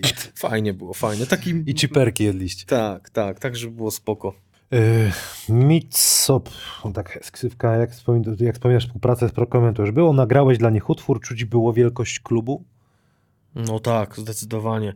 E, Tam w ogóle wszystko było najlepsze, największe i wiesz, i pamiętam jak e, nagrałem ten utwór, to Ryszard Krause dostał go do odsłuchania w samolocie akurat, gdzieś tam przemierzał, wiesz, i, i dostał ten utwór do akceptacji. E, No i potem było zielone światło, żeby właśnie zrobić teledysk do tego z udziałem wszystkich koszykarzy i wiesz, i cała ta otoczka, to wszystko, to tak ci powiem prawie, znaczy no prawie, no, no może nie NBA, ale dla mnie takiego zwykłego chłopaka, no to tam wszystko, organizacja klubu, zawodnicy, sztab trenerski, y, przede wszystkim y, wiesz, same gadżety na mecze i cała ta otoczka, to, to takie w sumie No, w tamtych czasach to takie No nasze jak? polskie NBA, wiesz, to taka mocna Euroliga, która y, naprawdę no, potrafiła zrobić otwarcie sezonu ze sceną, z fajerwerkami, z jakimiś, Barcelona wtedy przyjechała. tak, z jakimiś występami, w ogóle zmieniające się światła na sali, no w ogóle wiesz, no, Kosmos. no No, Will Smith coś takiego zrobił jak Philadelphia. Tak, a tak. Freak This chyba była taka tak, piosenka. była, była, To tak, coś w tak, tym tak. klimacie, że on na parkiet Dokładnie. szedł, pośpiewał. Dokładnie, Ty także... to kręciłeś podczas meczu z, czy to z CSK było, Euroligowym, ten Mm. teledysk, czy, czy to jak... y, Wiesz Pamiętasz? Co, nie pamiętam dokładnie na jakim to było meczu. to było podczas meczu też, nie? Tak, tak. To było podczas meczu, ale nie pamiętam dokładnie z kim oni wtedy grali. Tutaj już pytanko było. Gentleman Wrocław pyta, czy, czy jak tam ojciec, czy rapuje jeszcze? No tak jak powiedziałem, no czasami coś nam się zdarzy nagrać, ale to mówię typowo zajawkowo, nie? Ty mówiłeś, że, że muzykę nadal robisz, a tu jest pytanie, dlaczego już nie rapujesz? Zobacz. Wiesz co, no, y, bo to wygląda tak, y, jeśli się jakieś rzeczy komercyjne w telewizji, czy gdzieś tam, y, wiesz, To nie macie, tak? nie, nie dochodzą do szerszej publiczności, to ludzie myślą, że ja nic nie robię, a po prostu w tym momencie jest trochę inna muzyka, bardziej popularna, no i jest, wiesz, szał na innych Mhm. artystów. Ja już gdzieś tam teraz jestem, wiesz, niszowy, nie? Ale nadal to robię, więc to nie jest tak, że nie robię tego hip-hopu. Yy, Szpetan pyta, ponoć w niepamiętnych czasach na którymś z turniejów grałeś z Halikiem i chodzą pogłoski, że po przegranej zaprosiłeś go do jakiegoś projektu. Możesz opowiedzieć? Nie po wiem. To... przegranej zaprosiłem go do projektu. O kurde, no ciężko. No wiem, że Halik to miałem z nim e, taki, taki e, styczność w Dzierżoniowie na streetballu, gdzie wylądowaliśmy obydwoje w finale turnieju 1 na 1 i w ostatniej akcji, która przesądzała o zwycięstwie, zrobiłem na nim crossa, skrosowałem go tak, że on poleciał w drugą stronę, obrócił się wokół własnej osi, a ja prawą stroną poszedłem i rzuciłem kosza. E, No i wtedy, wiesz, był szał i też to mam nagrane, więc jakby no, wiesz, kiedyś możemy to gdzieś tam puścić. To dawaj, dawaj, E, dawaj. Ale wiesz co, czy zaprosiłem go do jakiegoś projektu? Kurde, pamiętam, że poleciłem jego postać. e, był taki gość Szymon Murdzek z, z Wrocławia, który ze mną robił do, do gazety Basket wywiady bardzo często. Zresztą pozdrawiam serdecznie, dziękuję za wszystko. I, I powiedziałem Szymonowi, że Halik jest bardzo dobrym streetballerem i nadawałby się na taki e, tam wywiad o streetballerach, wiesz, czołowych. No i zrobili tam. A, a do jakiego innego projektu, kurde, no za Chiny nie pamiętam. E, Lewy an- Answer pyta, jak wspominasz obozy w taborze? Super. Kurde, powiem ci, no, tym, no. no mega, no mega, to takie moje początki, gdzie, gdzie naprawdę czuć było y, zajawkę. Całe wakacje graliśmy non-stop, calutkie, więc no w pamięci mi to zostaje, to było 23 lata temu, ale w pamięci wszystko jest jakby to było wczoraj, więc naprawdę mega. Martin Derling to już przedostatni. Jak wspominasz turnieje Alcatraz na Wobrzyskim gruncie? Ja mówię, po, powielają się te Tak, pytania, ale bardzo, bardzo fajnie mówię. Na pierwszy turniej, na który pojechałem, to ludzi dookoła było tyle, jakby faktycznie to było boisko w Stanach. I to widać na niektórych nagraniach, które ja mam, że naprawdę tam zjechała się cała śmietanka i tam jak ktoś pokazał jakiś fajny trik, czy, czy, czy zrobił wsad, czy właśnie crossovera, to ci wszyscy ludzie wybiegali na środek, wiesz, to był taki naprawdę mega klimat, więc no Alcatraz wydaje mi się, że pod względem klimatu i ludzi, e, no najlepsze boisko w Polsce, jeśli chodzi o streetball. Okej. I właściwie to już będzie ostatnie pytanie, ale nie odpowiedziałeś na nie. Mariusza Kolekty, co byś dziś doradził młodym koszykarzom O właśnie, bo- zaczynającym bo- swoje przygody w basket? No wiesz co, no przede wszystkim, żeby, e, to taki standard, no co, no ciężka praca, e, determinacja i żeby jakby mieć określony cel i dążyć do niego mimo wszystkich przeciwności. Po prostu choćby nie wiem, co się stało, to wierzyć w swoje marzenia i nie dać sobie wmówić ludziom, e, że nie dasz rady. I być sobą. Dokładnie. Yy, co tu jeszcze masz? Tak, y, także Kamil mam tak. Trzy płyty słowo na konkursik, proszę dla ciebie. Dziękuję bardzo. I mixtape Myślimy coś. drugi też na konkurs. To jest taki unikat, nie wiem, mogę też podpisać potem te Tak, tak, tak, tak, tak, ale jak ty mi uciekniesz, to nie podpiszę. Musimy otworzyć. Dobrze, To dobrze. otworzymy. Słuchaj, jakie masz teraz plany na najbliższy ten? Wiesz co, jakie mam plany? Y, ogólnie muzyczne, Ogólnie, no. wiesz co, ruszam ze swoimi teledyskami. Chcę, żeby ten rok był dość pracowity. E, oprócz tego, że robię muzykę, to też od kilku lat już zajmuję się filmowaniem, czyli to jest moja taka trzecia zajawka No i, i, i w tym się spełniam, wiesz, bo wcześniej właśnie też o tym nie mówiliśmy, ale, ale tak w miejsce tej koszykówki e, poza muzyką trochę weszło te filmowanie, czyli realizuję dla ludzi e, różne teledyski muzyczne, różne projekty, więc to jest też bardzo fajna, ciekawa sprawa i Reżyserem i- teraz trochę? Filmmaker. Filmmaker. tak Filmmaker. Wiesz, no to reżyser to jest dużo powiedziane, ale, ale powiem ci, że y, no fajna jest zajawka, wiesz. Miałem okazję na przykład robić y, klip Kubiksa z Popkiem. Mhm. E, teraz robiliśmy też klip Dediego. E, powiem ci, że jest kilku artystów, którzy też się zgłosili i będziemy realizacje różne robili, także spoko. Fajna, fajna zajawka i naprawdę się w tym odnajduję, więc, więc Super, dobra, podpiszesz mi Tak. to ten, bo walczę, żeby Tak ten, jest. żeby to później, Dajemy. to jedno podpiszemy, a to, Okej. to wszystko będzie na konkursie, wymyślimy coś.